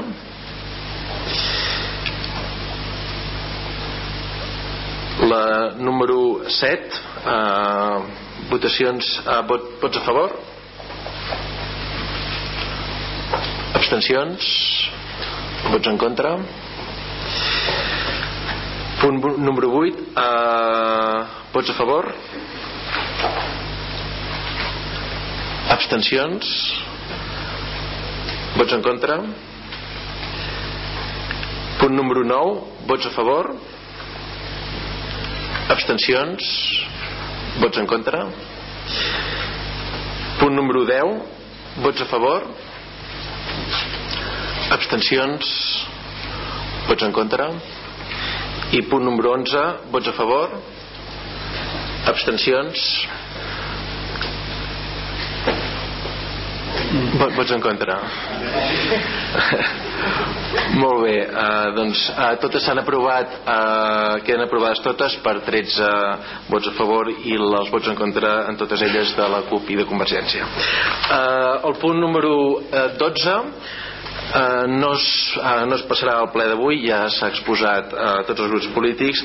Entenem que l'aprovació de l'abans del POM tenia una entitat pròpia i, i la importància que es mereixia. Per tant això ho traslladarem a un ple extraordinari que es celebrarà en les properes eh, dues, dues setmanes. Eh, passem ara al punt eh, número 13 en aquest cas hauríem d'aprovar la urgència o no de, um, del pla econòmic i financer dels exercicis 2015-2017 en aquest cas sí que per, com que és un tràmit per urgència hauríem de votar uh, si s'accepta aquesta urgència o no s'accepta uh, alguna consideració respecte a la urgència?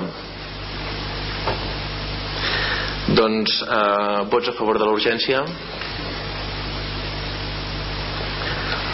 D'acord. Uh, Alicia, sisplau, aprovació del Pla Econòmic Financer pels exercicis 2015-2017. Sí, el part dispositiu recull que primer és aprovar en els termes de l'article 23.4 de la llei orgànica 2 barra 2012 de 27 d'abril d'estabilitat pressupostària i sostenibilitat financera el Pla Econòmic Financer que aconsegueix el compliment de la regla de despesa durant l'any en curs i el següent detall del qual figura l'expedient. Segon, trametre còpia del Pla Econòmic Financer a la Direcció General de la Política Financera, Assegurances i Tresor i publicar-lo a efectes informatius al butlletí oficial de la província de Barcelona. Tercer, tenir-lo a disposició del públic durant el seu període de vigència. Moltes gràcies. Uh, Alicia, Marta, sisplau. Sí, eh, en la liquidació de l'exercici de 2015 eh, es va mm, trencar un dels compromisos que estableix la llei d'estabilitat pressupostària, que és el de la regla de despesa. Aquest compromís eh, estableix que, aquest requisit estableix que eh, la despesa que s'anomena computable eh, no pot créixer d'un any a l'altre més enllà del percentatge que es preveu de creixement del PIB. I en el cas de Manlleu, l'any 2015 va créixer més eh, d'aquest percentatge. Això va ser a causa de dues operacions eh, puntuals, eh, en una la inversió eh, de la potabilitzadora d'aigües que va pagar la concessionària Sorea i que es va licitar a través del Consell Comarcal i per altra unes expropiacions dels de, terrenys de les escoles eh, Quatre Vents i l'escola Bressol Picarols. Aquests dos elements que són elements eh, puntuals puntuals d'aquell any extraordinaris van fer que la despesa de l'Ajuntament incrementés més del que la llei permetia. Quan passa això, la llei també t'obliga a aprovar un pla econòmic financer mm, per dir que, com ho faràs per tornar eh, a la via correcta i perquè eh, la despesa no creixi més del permès i això és el que fem. Bàsicament el pla que aprovem mm, no ens compromet a res que la realitat no ens comprometi ja perquè eh, vol dir que hem de tenir eh, una moderació en el creixement de la despesa però això són els propis ingressos municipals els que ja ens ho limiten. Per tant eh, l'aprovació d'aquest pla econòmic financer no fa res més que reafirmar allò que, que la nostra situació real d'ingressos ja ens fa fer que és tenir prudència en eh, l'increment de la despesa.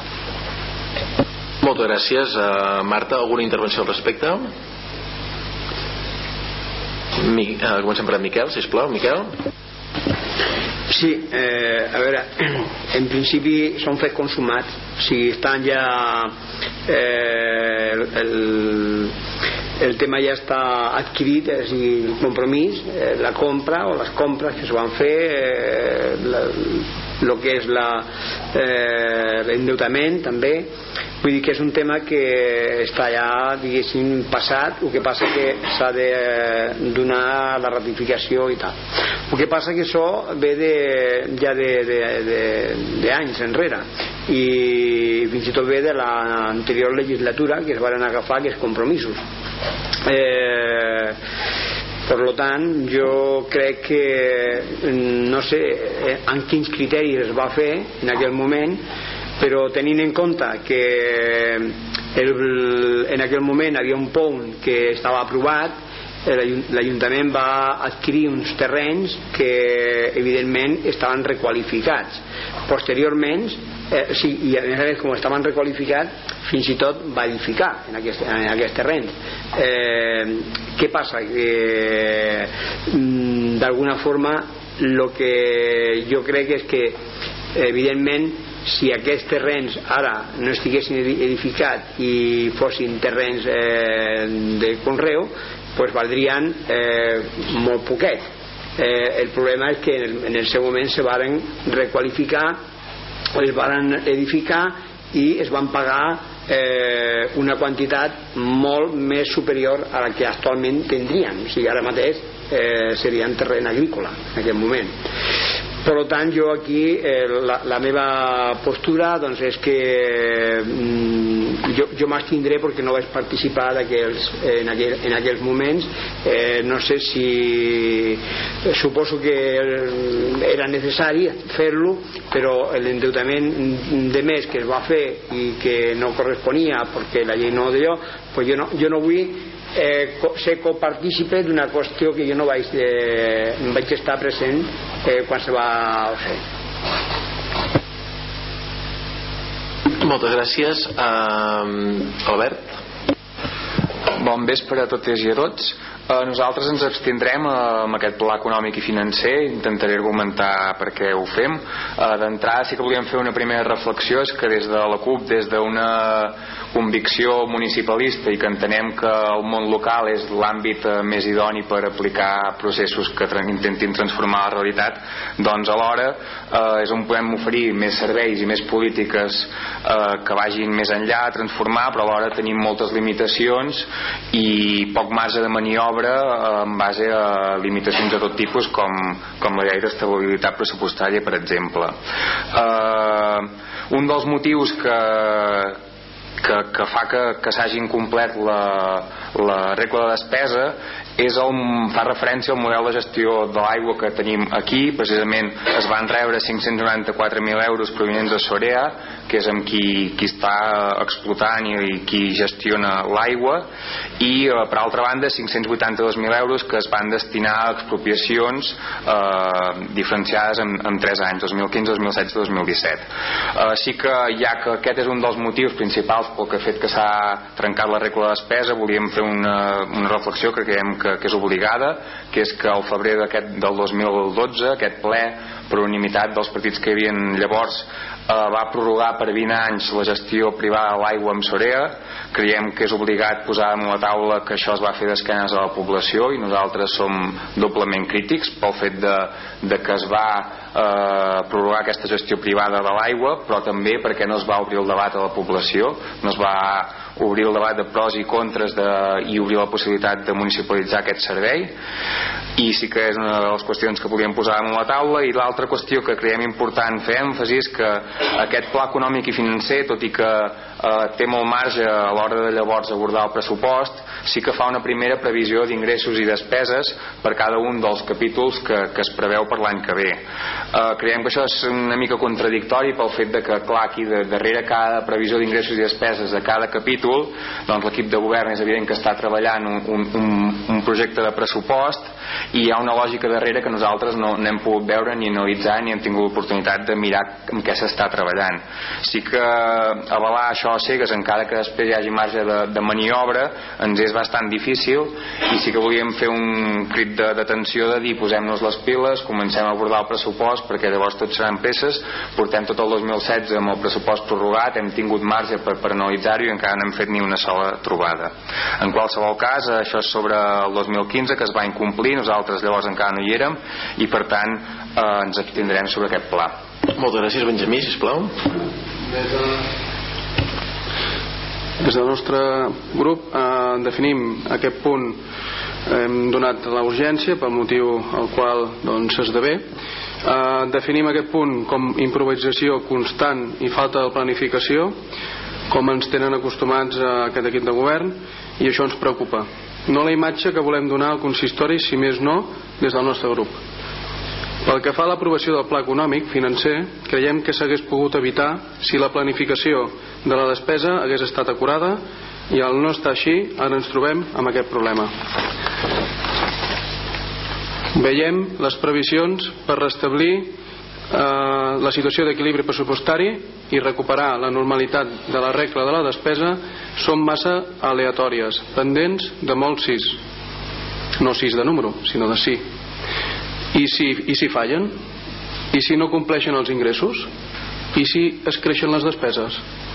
I si no arribem a les subvencions previstes? I si les hipòtesis continuistes que indica l'informe no es verifiquen? I si els escenaris econòmics alternatius fallen massa incògnites. El nostre grup dubta, normal de la capacitat de l'equip de govern. Però com que la situació financera és molt greu ens estindrem per tal de, la que, per tal de que la proposta pugui ser aprovada. Moltes gràcies Marta. No sé si vols afegir res. Procedim per tant a, a la votació. Vots a favor abstencions.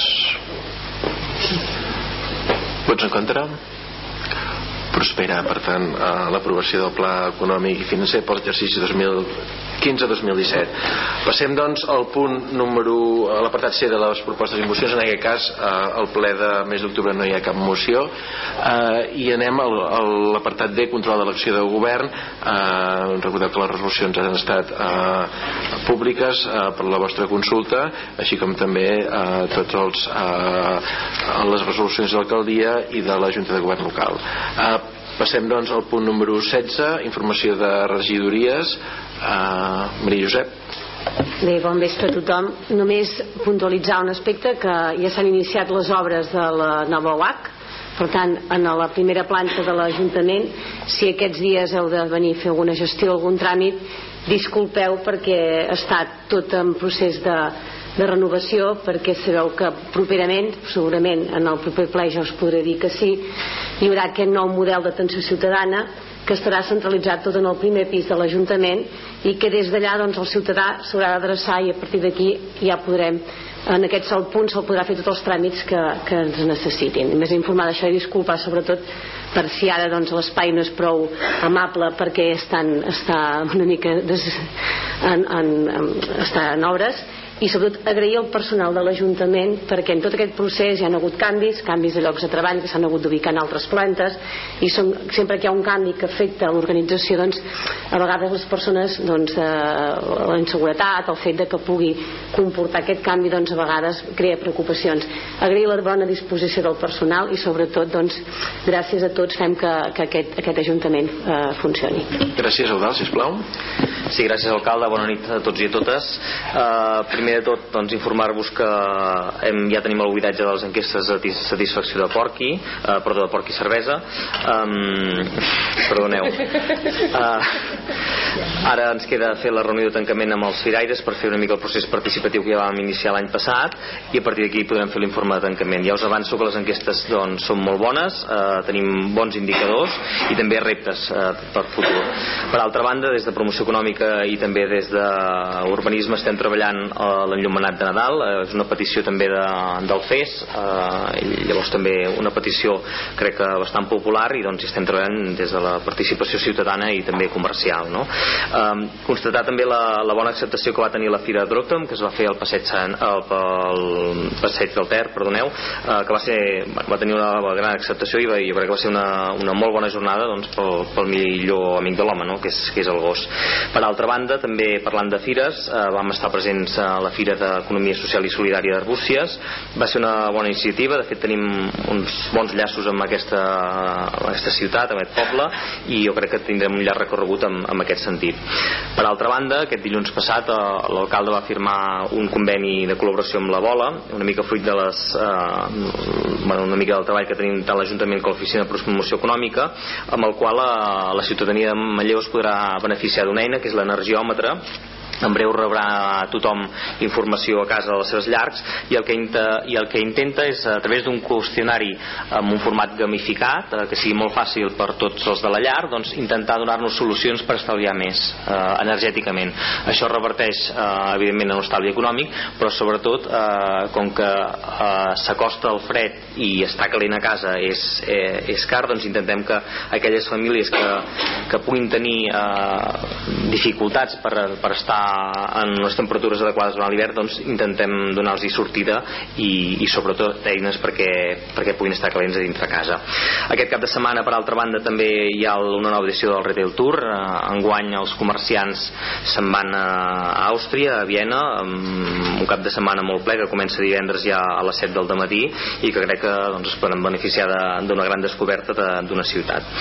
Per altra banda, eh, parlant també del FES, eh, una de les peticions de diverses taules era doncs, intentar eh, fer de Manlleu un espai més amable per la instal·lació de nous, eh, de nous de noves empreses, d'espais de, de nova empreses de nova creació i avui ho hem fet amb, amb aquesta aprovació de, de bonificacions i rebaixes a taxes. Eh, S'ha parlat molt d'altres temes, jo crec que val la pena posar-ho en valor i, i a més distingint també les eh, entitats d'economia de, social i solidària llavors també els donem un cert protagonisme que crec que fa, fa falta. També vinculat al FES doncs eh, enguany tornem a encetar una nova edició del Manlleu Galeria d'Art eh, primers de novembre per intentar eh, doncs, ocupar més espais més locals eh, que ara mateix estan en desús i esperem que, doncs, que almenys tinguem la, la mateixa acceptació que l'any passat per part de, de l'art però també per part de l'ocupació de locals que l'any passat per exemple en vam ocupar un també.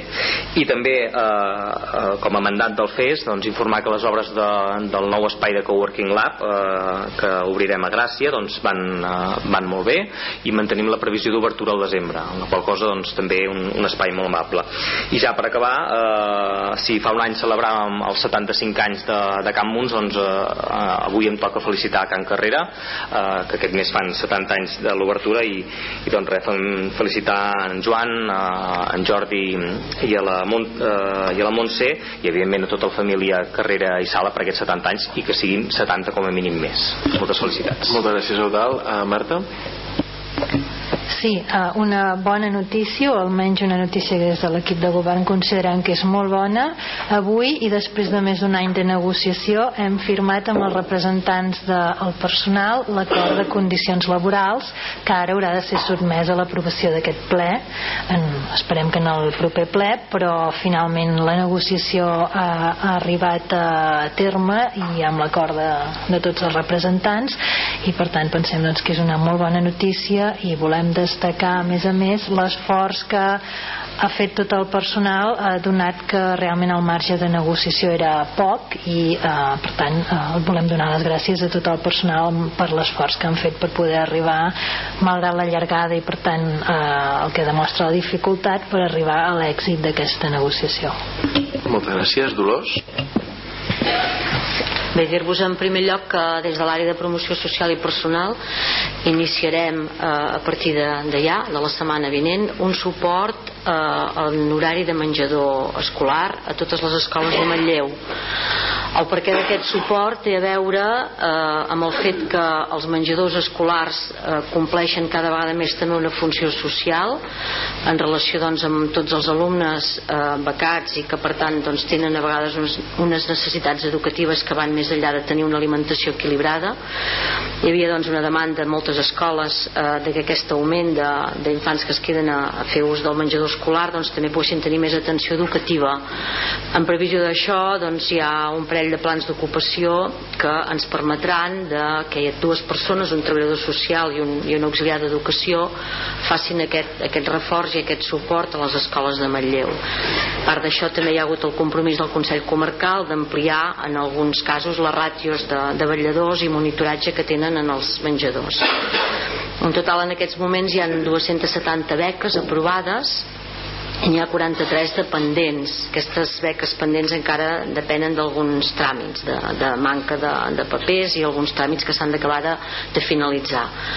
També igual com l'any passat eh, el que fem des de l'Ajuntament és fer un complement eh, en els casos en què aquestes beques es concedeixen no en un percentatge de la seva totalitat sinó doncs en un 50% o en un percentatge inferior eh, afegir un complement que permetin doncs, que siguin per exemple 3 dies a la setmana en lloc de dos o dos i mig que correspondria segons el, la beca que tenen concedida eh? per tant el, el muntant de, de suport o complement que hi fa l'Ajuntament és d'11.817 euros mm, i també eh, informar-vos a petició de l'associació Dones Solidàries eh, que, que informem també us informi el ple que aquesta setmana, els dies 20, 21 i 22 d'octubre, eh, fan una campanya de recollida de roba blanca, diguem, roba de, bàsicament, llençols, tovalloles i mantes, pel fet que hi ha molta demanda eh, i no en tenen, diguem, eh, no, no en tenen en, en estoc o magatzemat. Per tant, eh, totes les persones que vulguin col·laborar. Al seu local que és el carrer Núria 51 els matins de 10 a 12 i a les tardes de, de les 4 a les 7 doncs faran eh, aquesta recollida específica. Moltes gràcies Dolors. Uh, a nivell de cultura informar com tots vosaltres ja sabeu divendres vam inaugurar la, la biblioteca un equipament que era molt necessari per a la nostra ciutat. Ha estat un procés llarg, dificultós però entenem i creiem que el resultat eh, és fantàstic i per tant eh, Manlleu s'ha de felicitar per un equipament cultural d'aquestes característiques. Esperem que sigui un motor de, de dinamització molt important eh, aquí al, al Baix Vila i per altra banda eh, comentar que el, el procés participatiu del canvi de, de noms de, dels tres carrers que arrel d'una moció que es va aprovar aquí al ple fa, fa un any eh, ja està en marxa, va començar ahir mateix eh, al matí i eh, una bona notícia que només en 24 hores gairebé eh, s'han arribat als 300 vots eh, parlo estrictament de vots per correu eh, electrònic via online per internet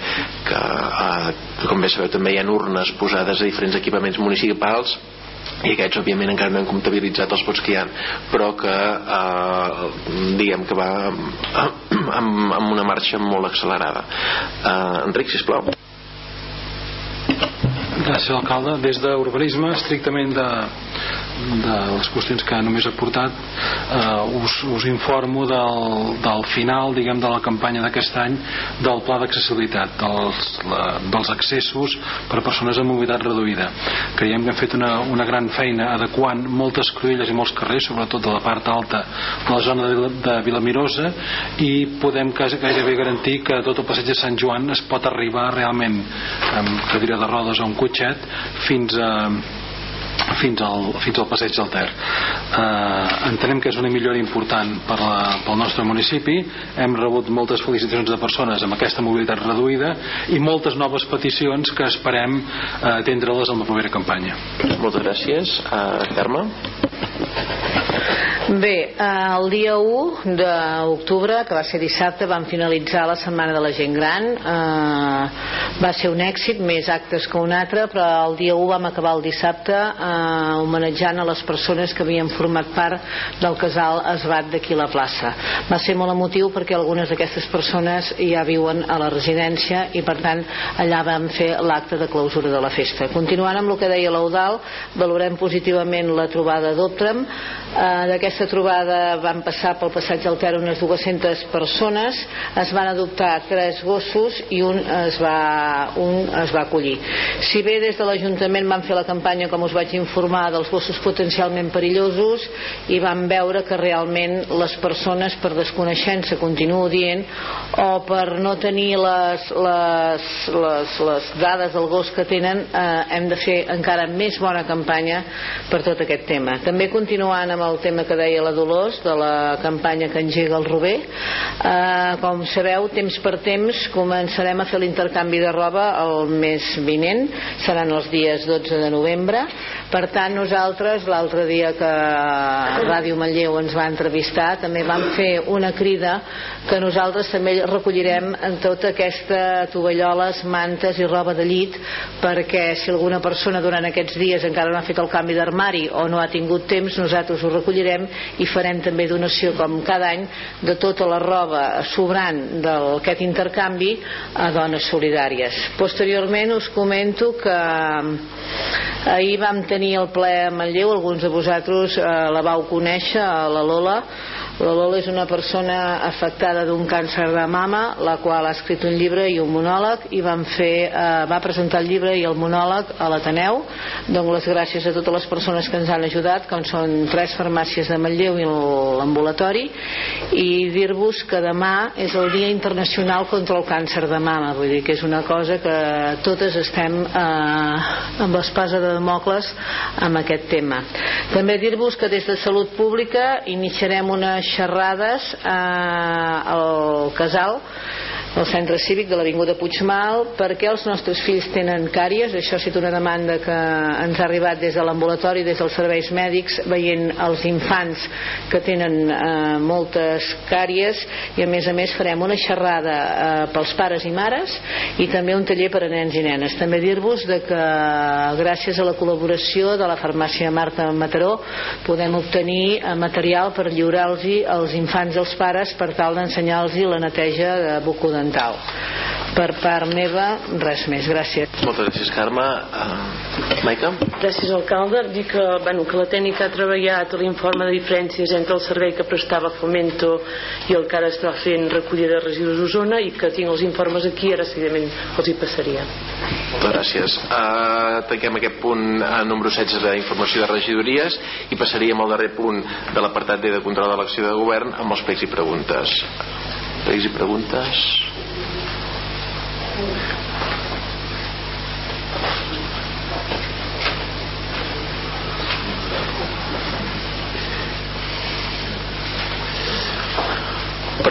Uh, comencem amb en Miquel. Miquel, sisplau.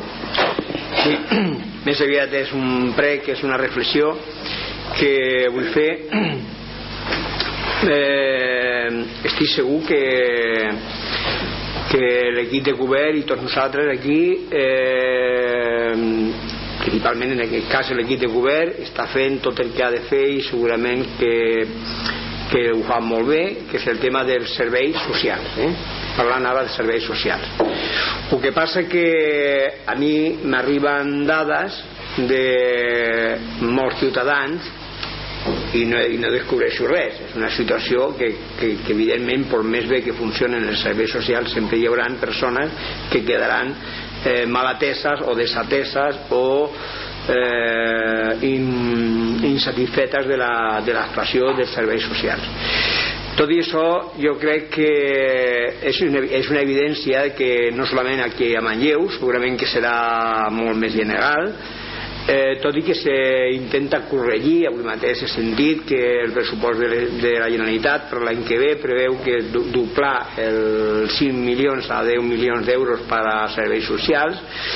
Eh, però jo crec que independentment del pressupost aquest eh, ja s'ha dit que entrarem a discutir el pressupost d'aquí de, de Manlleu i hauríem d'entrar a discutir-ho i crec que a mi la veritat és que eh, de petit em van dir el meu pare em deia a vegades diu, primer s'han de fer l'obligació i després la, la devoció. O sigui, primer és l'obligació i després eh, l'altre i clar, a mi eh, ho dic tot això perquè eh, hi ha casos que dius, ostres, és que quan te los expliquen o veus de, de front i de prop quan t'estan explicant el que les està passant pues clar, te se posa una mica la pell de, de gallina, no? I, i jo dic, home, jo suposo que, que, que, que el, el, el, en l'àmbit de servei social ho estan fent el millor possible, però clar, fins i tot a vegades com l'altre dia em vaig atrevir a fer una carta al servei social donant una mica, degut a una situació d'una persona que estava malalta, que no, que no cobrava, que a més a més estava enferma, que no cobrava ni de, mal, de, ni de l'enfermetat que tenia, de baixa, ni cobrava d'enlloc, que, bueno, una situació penosa, però bueno, és un cas que a la Dolors li vaig donar la carta també de, no sé si se l'haurà solucionat o no se l'haurà solucionat. Eh, la qüestió és que aquest home ni tenia ingressos d'un lloc ni tenia ingressos de res. O sigui, clar, i com aquest deuen d'haver mol, moltes més persones que no tenen actualment ingressos de, de cap tipus. Eh, però clar arriba un moment que el dimarts passat a la porta de l'INEN una dona de Manlleu ve a saludar hola tal i qual i m'assabento que el seu home s'havia suïcidat al mes de juliol degut a que portava ja 4 anys a l'atur i que estava fart de venir a l'Ajuntament, de venir a los serveis socials, d'anar a la OPE i aquest home es va, es va suïcidar pues això, degut a que ningú l'agafava en seriós el tema. I es va suïcidar i és d'aquí de Manlleu i tenia la meva edat o sigui que a més a més eh, és un cas real però eh, bueno, podria dir eh, hi ha altres coses no? ha, o sigui, quan es va canviar la, la, el, el furgón aquest del, del servei a domicili per a les persones que estan incapacitades o que no tenen mobilitat reduïda doncs, tam, també no va ser en aquesta legislatura em que va ser en l'anterior que es va decidir doncs, canviar el vehicle per un vehicle més petit que ara doncs, tots sabem que aquest vehicle perquè, bueno, perquè a la millor l'Ajuntament no podia donar un altre servei d'un vehicle més gran com el que tenien abans doncs han reduït les places. En definitiva el que vull dir és que ens hem d'agafar aquest tema molt seriosament perquè la realitat és molt dura i, i jo quan he dit lo de la devoció i l'obligació m'estava referint a una proposta de cara a, a, al, al futur eh, de Manlleu de que a mi m'està molt bé les enquestes i m'estan molt bé les festes que se'n puguin fer a Manlleu perquè a més a més és que donen allò, donen que Manlleu és, és viu i tal. Però home jo mmm, a vegades diria no sé si de cara al futur hauríem de dir retallem una mica de la festa major de la festa de el, el jove de la festa del poc i la cervesa i invertint una mica més en el tema de serveis socials perquè és que clar, el primer és menjar si no mengem eh, després aquesta gent què vol, que vingui el porre a la cervesa o vagin a, a, a de Nadal a veure, si no, com a mínim doncs home, eh, per tant jo aquí faig una reflexió. Simplement en el sentit aquest de que mm, és molt lamentable doncs que passin aquestes coses i que per desgràcia es poden anar succeint cada vegada més perquè la situació no és que vagi millorant per més que em diguin que la cosa va millorant al contrari va empitjorant perquè encara que les persones encara que arribin a tenir feina si és que arriben a tenir després són feines d'aquestes que no sabeu eh, com es paguen. Res més, simplement era una reflexió de que segur que la Dolors està fent el millor possible i que per a vegades hem de fer una aturada i dir tu, doncs anem a invertir eh, en aquesta qüestió doncs que, que com a mínim eh, Manlleu sigui un capdavanter en el tema d'atendre a, a les dificultats més perentòries i les situacions més, més, més eh, urgents que puguin haver com són casos que ja han derivat fins i tot en, en casos com el que he comentat. Moltes gràcies Miquel. Uh, Àlex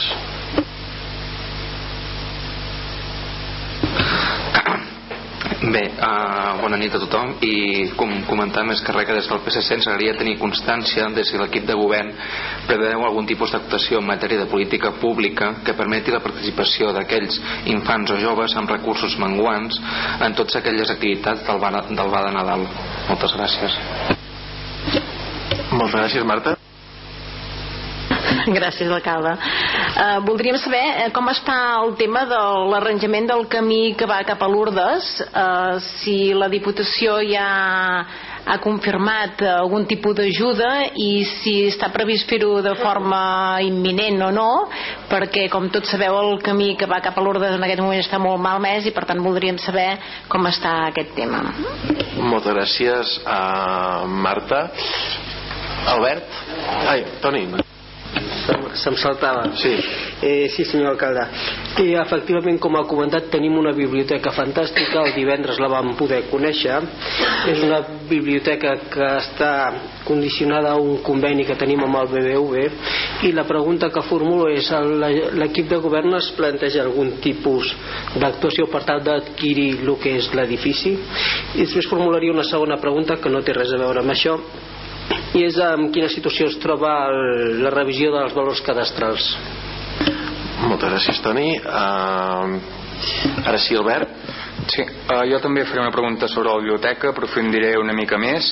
Volia fer dues consideracions prèvies molt breus. La primera, que ho hem remarcat sempre, uh, per una població com Manlleu, un servei com la biblioteca és absolutament prioritari, entenem nosaltres, tant per foment de la cohesió social, formació, uh, lectura, aprenentatge, etc i volem destacar que, i posar en valor la, la tasca que han fet els treballadors tot aquest temps en unes instal·lacions que realment eren deficients i no eren adequades. Eh, la segona consideració és sobre el BVA Eh, nosaltres també ens reiterem que no farem cap mena de pacte de silenci, que alhora creiem que cal i que ens hauríem de sumar tots a denunciar les pràctiques que té aquesta entitat, tant a nivell de desnonaments com a nivell de, de respecte nul que té per la vida i pels drets més bàsics de les persones i que és una entitat que al final ha fet negoci comprant a preu de saldo unes entitats bancàries que havíem rescatat amb diners públics i que per cert alguna hora algú hauria de donar explicacions de de com es va deixar perdre i què va passar amb la Caixa de Manlleu no? una entitat doncs, que també el BVA que financia i participa d'empreses armamentístiques um, és una, una lògica perversa no? d'aquest sistema capitalista que una entitat que financia la guerra i les armes doncs ara té nom a, a biblioteques però bueno, aquestes paradoxes i ja entrant en tall a la pregunta el contracte es va signar entre Ajuntament, BVA i Fundació Antiga Caixa de Manlleu el, el 28 de maig del 2014 i es va fer amb unes previsions tant, tant temporals com econòmiques molt concretes d'una situació en aquell moment però ni les eh, previsions temporals s'han complert ja que es preveia que en menys de 8 mesos es pogués obrir la biblioteca això n'ha estat així estava fins i tot estipulat el contracte finalment han estat dos anys i cinc mesos que, que s'ha tardat d'espera de, i a nivell econòmic eh, tres quartes parts del mateix eh, s'hi han acabat eh, destinant per adequar l'espai 571.000 euros públics, una xifra molt superior al que inicialment es preveia. Eh, ni temporalment ni a nivell econòmic s'han complert les previsions, en canvi el contracte no, no s'ha canviat i encara en regim amb el contracte de, del 28 de maig del 2014. Aquell contracte es va assignar per 5 anys i per tant vol dir que la biblioteca que vam inaugurar divendres doncs li queden dos anys i set mesos segons el, eh, el contracte per tant, eh, més enllà de discrepàncies amb altres aspectes del contracte que hem expressat a nivell de, del nom, a nivell de compromisos eh, beneficis fiscals, compromisos de publicitat, etc. La pregunta que volem fer ara que tenim la biblioteca és com garantim que aquesta biblioteca passi a, a, a ser pública, és a dir, que ens desvinculem del BVA i com garantim sobretot aquesta continuïtat continuïtat. El conveni eh, parla de la possibilitat d'adquirir l'edifici, però parla en termes de predisposició de les parts, interès de fer possible l'adquisició, però en lloc ni queda blindada aquesta opció, ni tampoc es parla ni de xifres econòmiques, ni en quines condicions es faria aquesta compra. Igualment per la possibilitat de la pròrroga, que també ho contempla el conveni, és una possibilitat però que en lloc queda blindada i igualment hi ha una tercera opció que també consta al conveni que és que d'aquí dos anys i set mesos doncs no, simplement no hi hagi continuïtat i per tant la pregunta és aquesta eh, com està previst garantir aquesta continuïtat de la biblioteca i que a mig termini doncs, ens puguem desvincular del BBVA Moltes gràcies. Alguna intervenció més? Eh, Ismael? Bé, eh, també volíem aprofitar aquest torn de, de paraules per fer bueno, un prec, més que un prec una, una crida no sé si tothom n'està al cas, però el company Joan Coma, regidor a l'Ajuntament de Vic per la CUP Capgirem Vic, eh, ha estat imputat per un suposat delicte de sedició i està citat a declarar a l'Audiència Nacional el proper 24 d'octubre.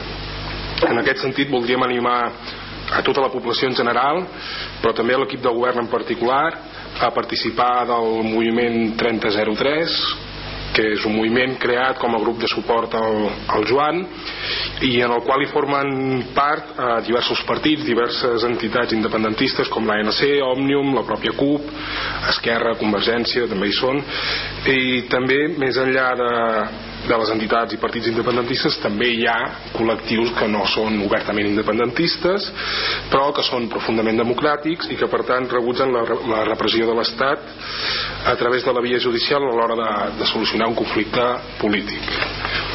Uh, com dèiem, el proper dijous 20 d'octubre a dos quarts de nou del vespre al, al centre cívic de, Can Pau Raba de Vic eh, s'ha organitzat, bueno, s'ha convocat aquesta assemblea s'ha convocat a, tots, a, a totes aquestes entitats que, que hem esmentat abans eh, per tal d'organitzar la resposta a aquest nou atac demofòbic per part de l'estat espanyol. I com dèiem doncs això, no? volíem emplaçar a tothom en general però també si pot ser a l'equip de govern a participar-hi. Eh, res més, des de la CUP mostrar tot el suport i tota la solidaritat amb en Joan Coma. Dir que cap tribunal ens aturarà, que això està claríssim, que cap tribunal aturarà la democràcia i que de la mateixa manera que per fer una truita s'han de trencar els ous per fer la independència tard o d'hora eh, haurem de desobeir aquest estat que ens persegueix, que ens reprimeix pel simple fet de voler decidir conjuntament quin ha de ser el nostre futur com a poble. Gràcies. Sí, bona nit. Uh, bueno, tots ja sabem que a final d'aquest mes uh, s'aixeca la suspensió de llicències d'obres degut a l'anul·lació de, del POM i la, i la creació del de, treball per fer un nou POM per tant a, a final de mes també ja sabem tots que ens regirem amb el POM o en el pla urbanístic del 88 en l'anterior ple vam demanar eh, de treballar i de, en, per solucionar aquesta qüestió, aquest buit que, que s'obria i, de, i de fer, vam demanar de fer un pacte entre tots els partits per evitar el que podien ser abusos urbanístics que, creiem que hi han situacions del POUM de, del 88 que ara les podríem considerar realment abusos. Um, és, és un tema que ens preocupa aquest de, de l'aixecament de, de la suspensió de llicències de final de mes. Per tant ens reiterem eh, perquè ens, ens hem assessorat i, i hi, ha, hi ha alguna eina, hi ha alguna possibilitat de poder allargar eh, aquesta suspensió de, de llicències però evidentment necessita del consens eh, de tots els partits polítics i de, i de, i de l'equip de govern.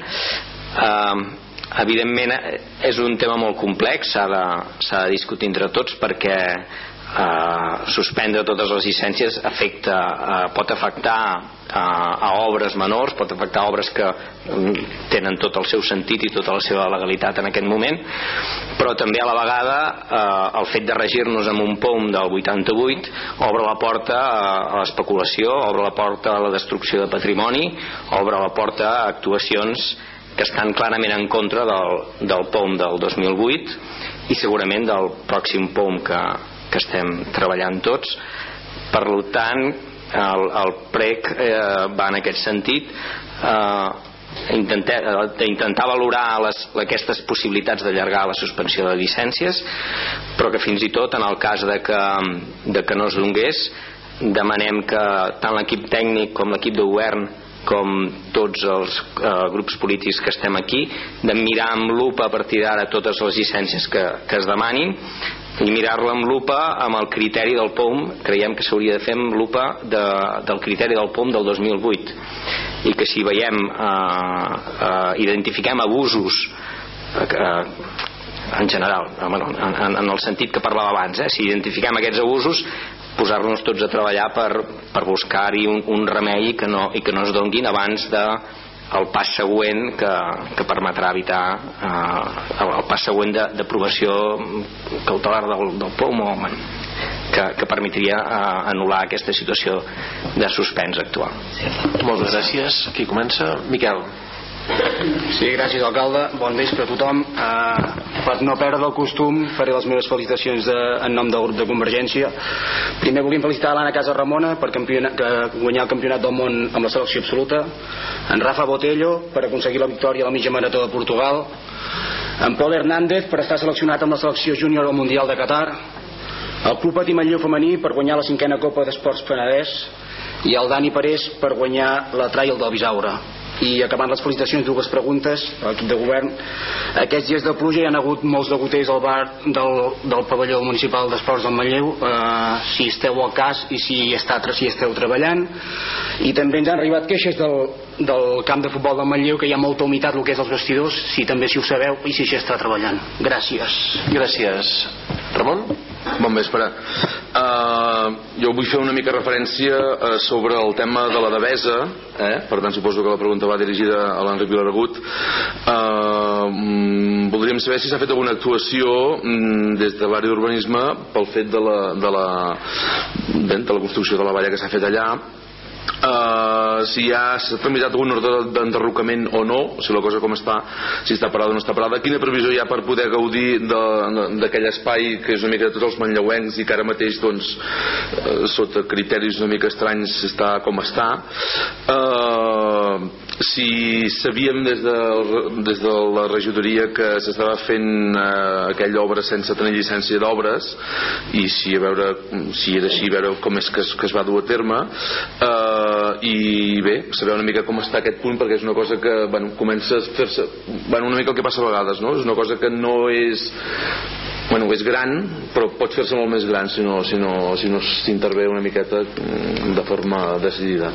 Gràcies Ramon. Benjamí Sí, bé, la meva intervenció serà també de nou sobre la biblioteca de Manlleu i és per felicitar mm, la gran feina feta del nostre grup en, en l'anterior mandat i a l'oposició per fer possible que no prosperés l'emplaçament de la biblioteca al solar de la Piara amb un cost de 4 milions d'euros que volia portar a terme l'equip de govern d'ERC mm, a l'anterior mandat que ens hagués deixat naturalment un equip més per pagar i un deute molt més elevat.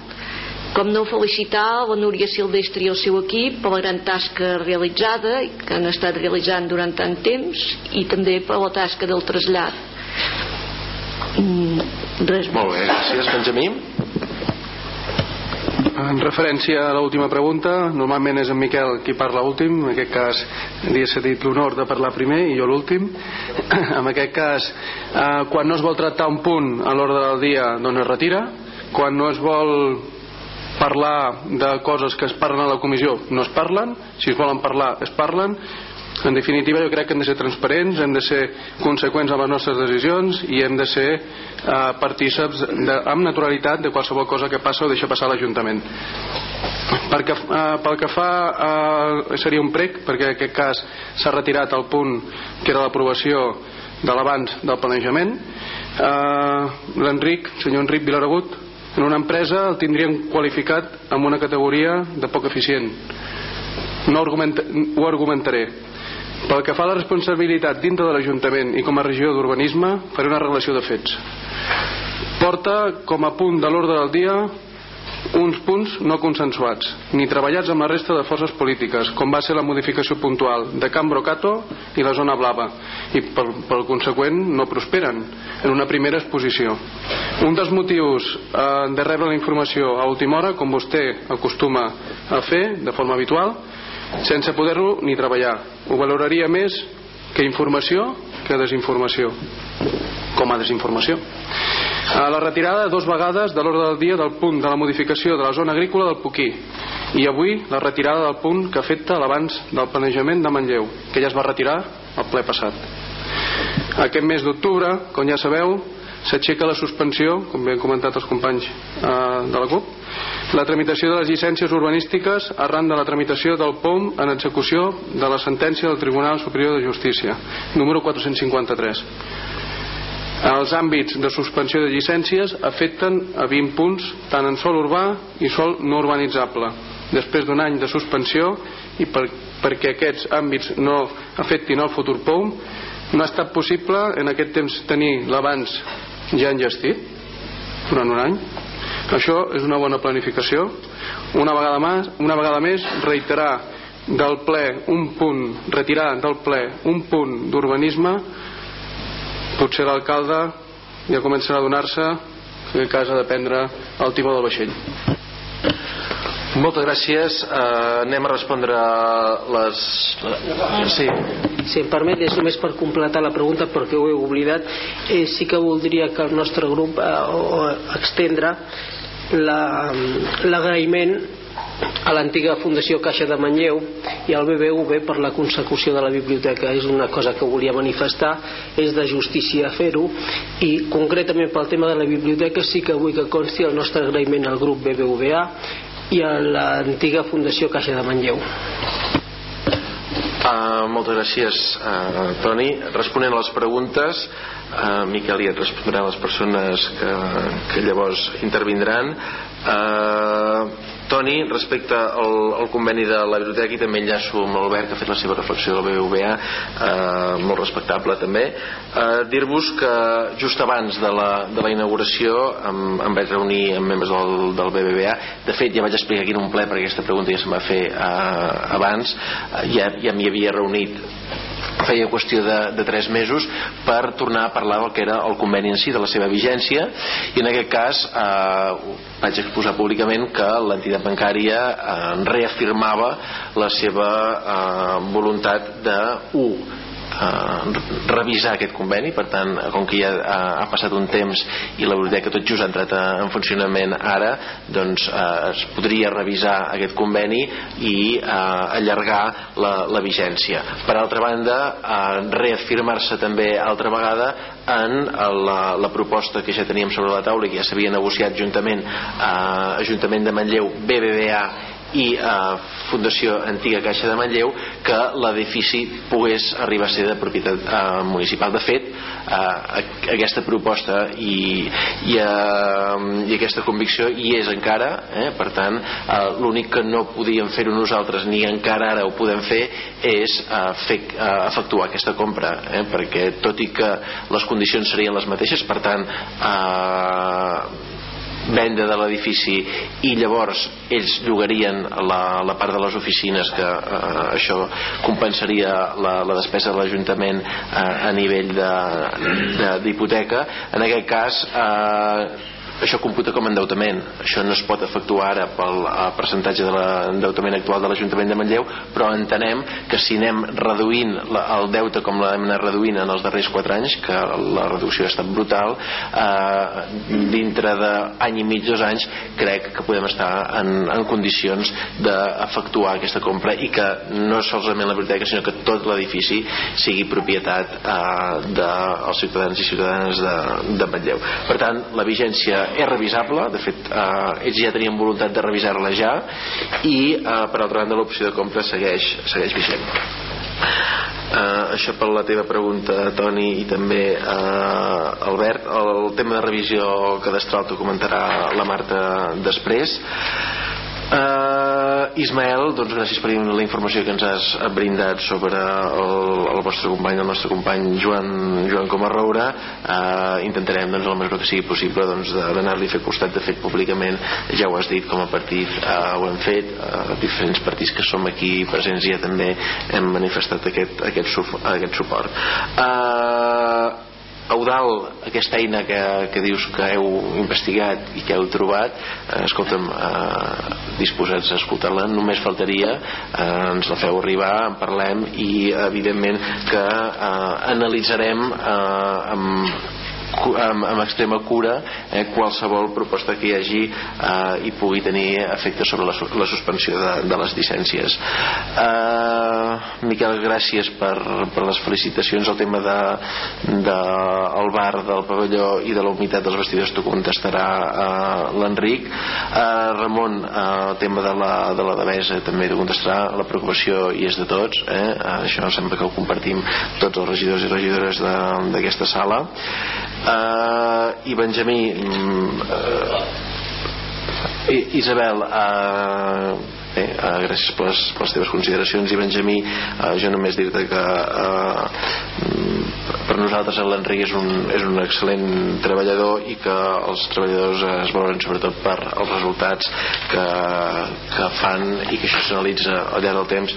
El divendres hem malgrat que vosaltres només reconeixeu la feina feta 2011-2015 i dels responsables d'aquella època dels quals uns encara hi són presents. Eh, gran part de la responsabilitat de tota l'obra eh, del, del gruix de l'obra ha estat eh, dirigida per ell per tant aquests són els resultats una biblioteca fantàstica eh, i el timó del vaixell es pren així eh? grans resultats per la ciutadania i no sé una cosa, un moment puntual entra o no entra un ple perquè entrarà en el proper ple eh, Mm, Eudal, la pregunta que havies de respondre, sisplau. Sí, sobre la petició de, de l'Àlex, eh, també recordar una mica que en Miquel ja em va formular una pregunta molt semblant en una, en una comissió informativa l'any passat. Nosaltres el que estem és acabant d'idea una mica enguany i el que fem és treballar amb les escoles. Eh, més que res per no estigmatitzar aquestes persones. Llavors el que fem és intentar que totes les escoles tenen una bonificació bastant important sobre el preu i llavors totes, eh, la gran majoria venen, venen a patinar amb, amb unes dates concretes que són normalment a final final de curs. Llavors d'aquesta manera garantim que, que tots els infants que, que puguin i que no puguin venir a, a patinar puguin venir a patinar. Moltes gràcies Marc. També hi havia un tema. Sí, Toni, entenc que et refereixes al procediment de regularització cadastral. El procediment, l'empresa contractada directament per cadastre està acabant el treball de camp, encara no eh, ha fet el lliurament de, del que és el treball de camp i a la que ho faci es començaran a comunicar en els afectats eh, les, eh, diguem, els, els immobles que aflorin que s'hagin detectat i a partir d'aquí podran fer les seves al·legacions. Entenem que això es produirà al llarg de l'any 2017, per tant que això podrà entrar a, diguem, al padró de l'IBIT de 2018. Moltes gràcies, Dolors. També hi havia una qüestió.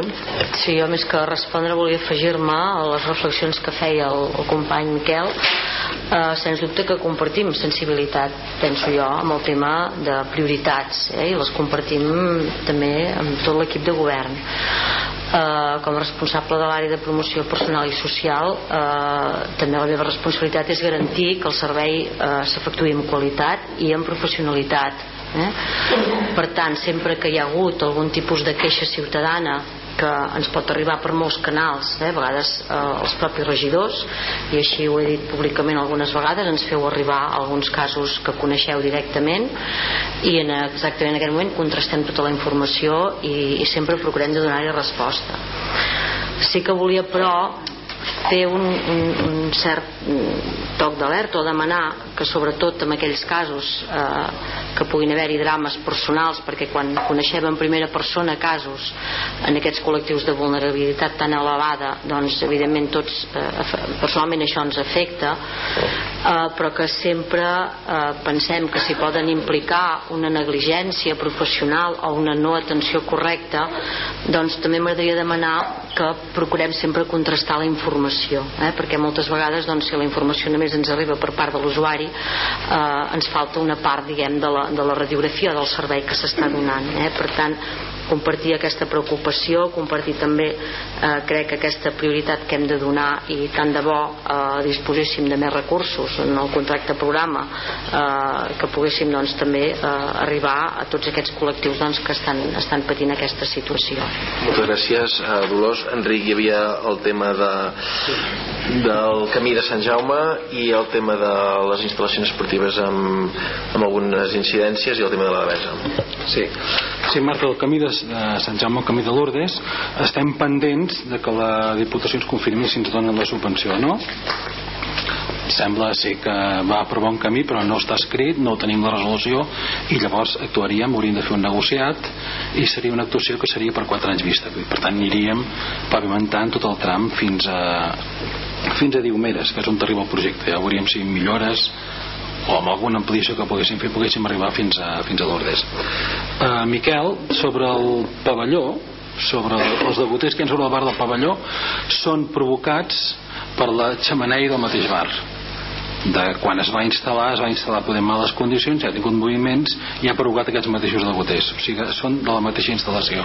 Amb el, amb el propietari del bar ja estem parlant de modificar i millorar diguem-ne les instal·lacions del bar. Ens estem posant en tràmit de posar-nos d'acord. Eh, sobre les unitats del camp de futbol de Manlleu és és implícit a l'estructura que té el camp de futbol de Manlleu. En principi no s'hi pot fer res fins que fem una actuació contundent fent uns nous vestuaris d'alguna manera. El que passa que dius portem ja una bona inversió feta aquest any i tenim molts fronts oberts a la resta del, del, del, del municipi.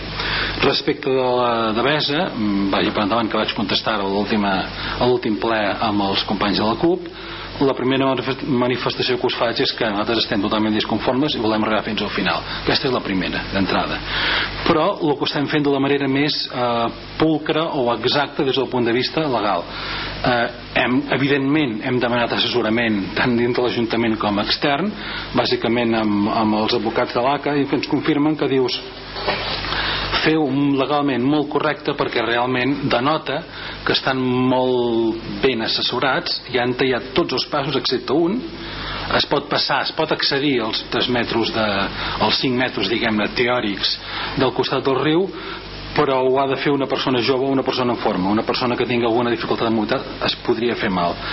En aquests moments estem pendents de que acabi el termini per presentar uns requeriments que els hi hem fet i evidentment la, el tota la voluntat de l'equip de govern és ser especialment contundents amb aquesta tanca. Al mateix temps, ja vam esmentar-ho amb els companys de la CUP, que ens ho van demanar, perquè ells sabien perfectament els tràmits que estaven fent, començarem els tràmits per demanar a l'ACA l'atermenament de la devesa de manera que puguem determinar quina part de la devesa és domini públic hidràulic amb el qual serà de propietat pública de l'ACA en aquest cas, eh?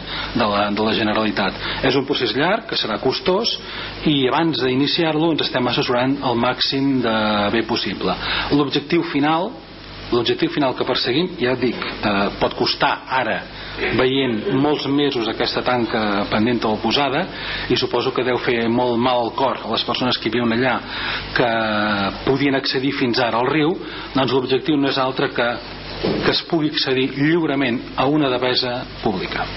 Moltes gràcies. Uh, aquí... Digue'm, Albert.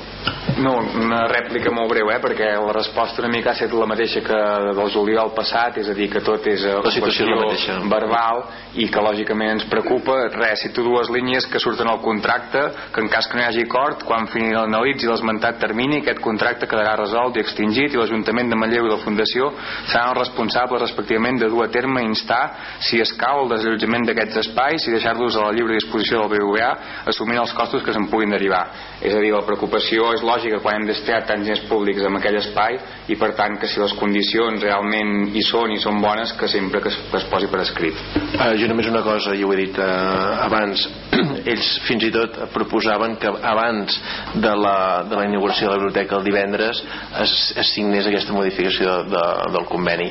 Evidentment com que tampoc tenia temps de uh, presentar-vos la, el, la resta de, de partits polítics em va semblar poc adient eh, que jo com a alcalde directament anés i firmés la modificació o sigui, insisteixo ells, eh, la voluntat és ferma de fet, eh, hores d'ara si tenim aquesta biblioteca també és per l'acord que vam arribar amb l'entitat bancària eh?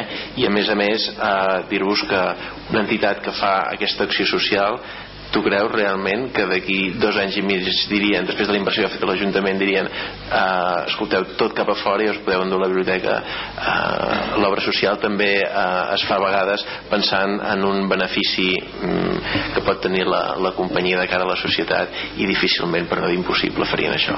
Aquí s'acaba eh, el, el torn de, de pregs i preguntes eh, també s'acaba el ple de mes d'octubre de, de 2016 no sé si hi ha alguna pregunta per part del públic assistent. Eduard, si plau.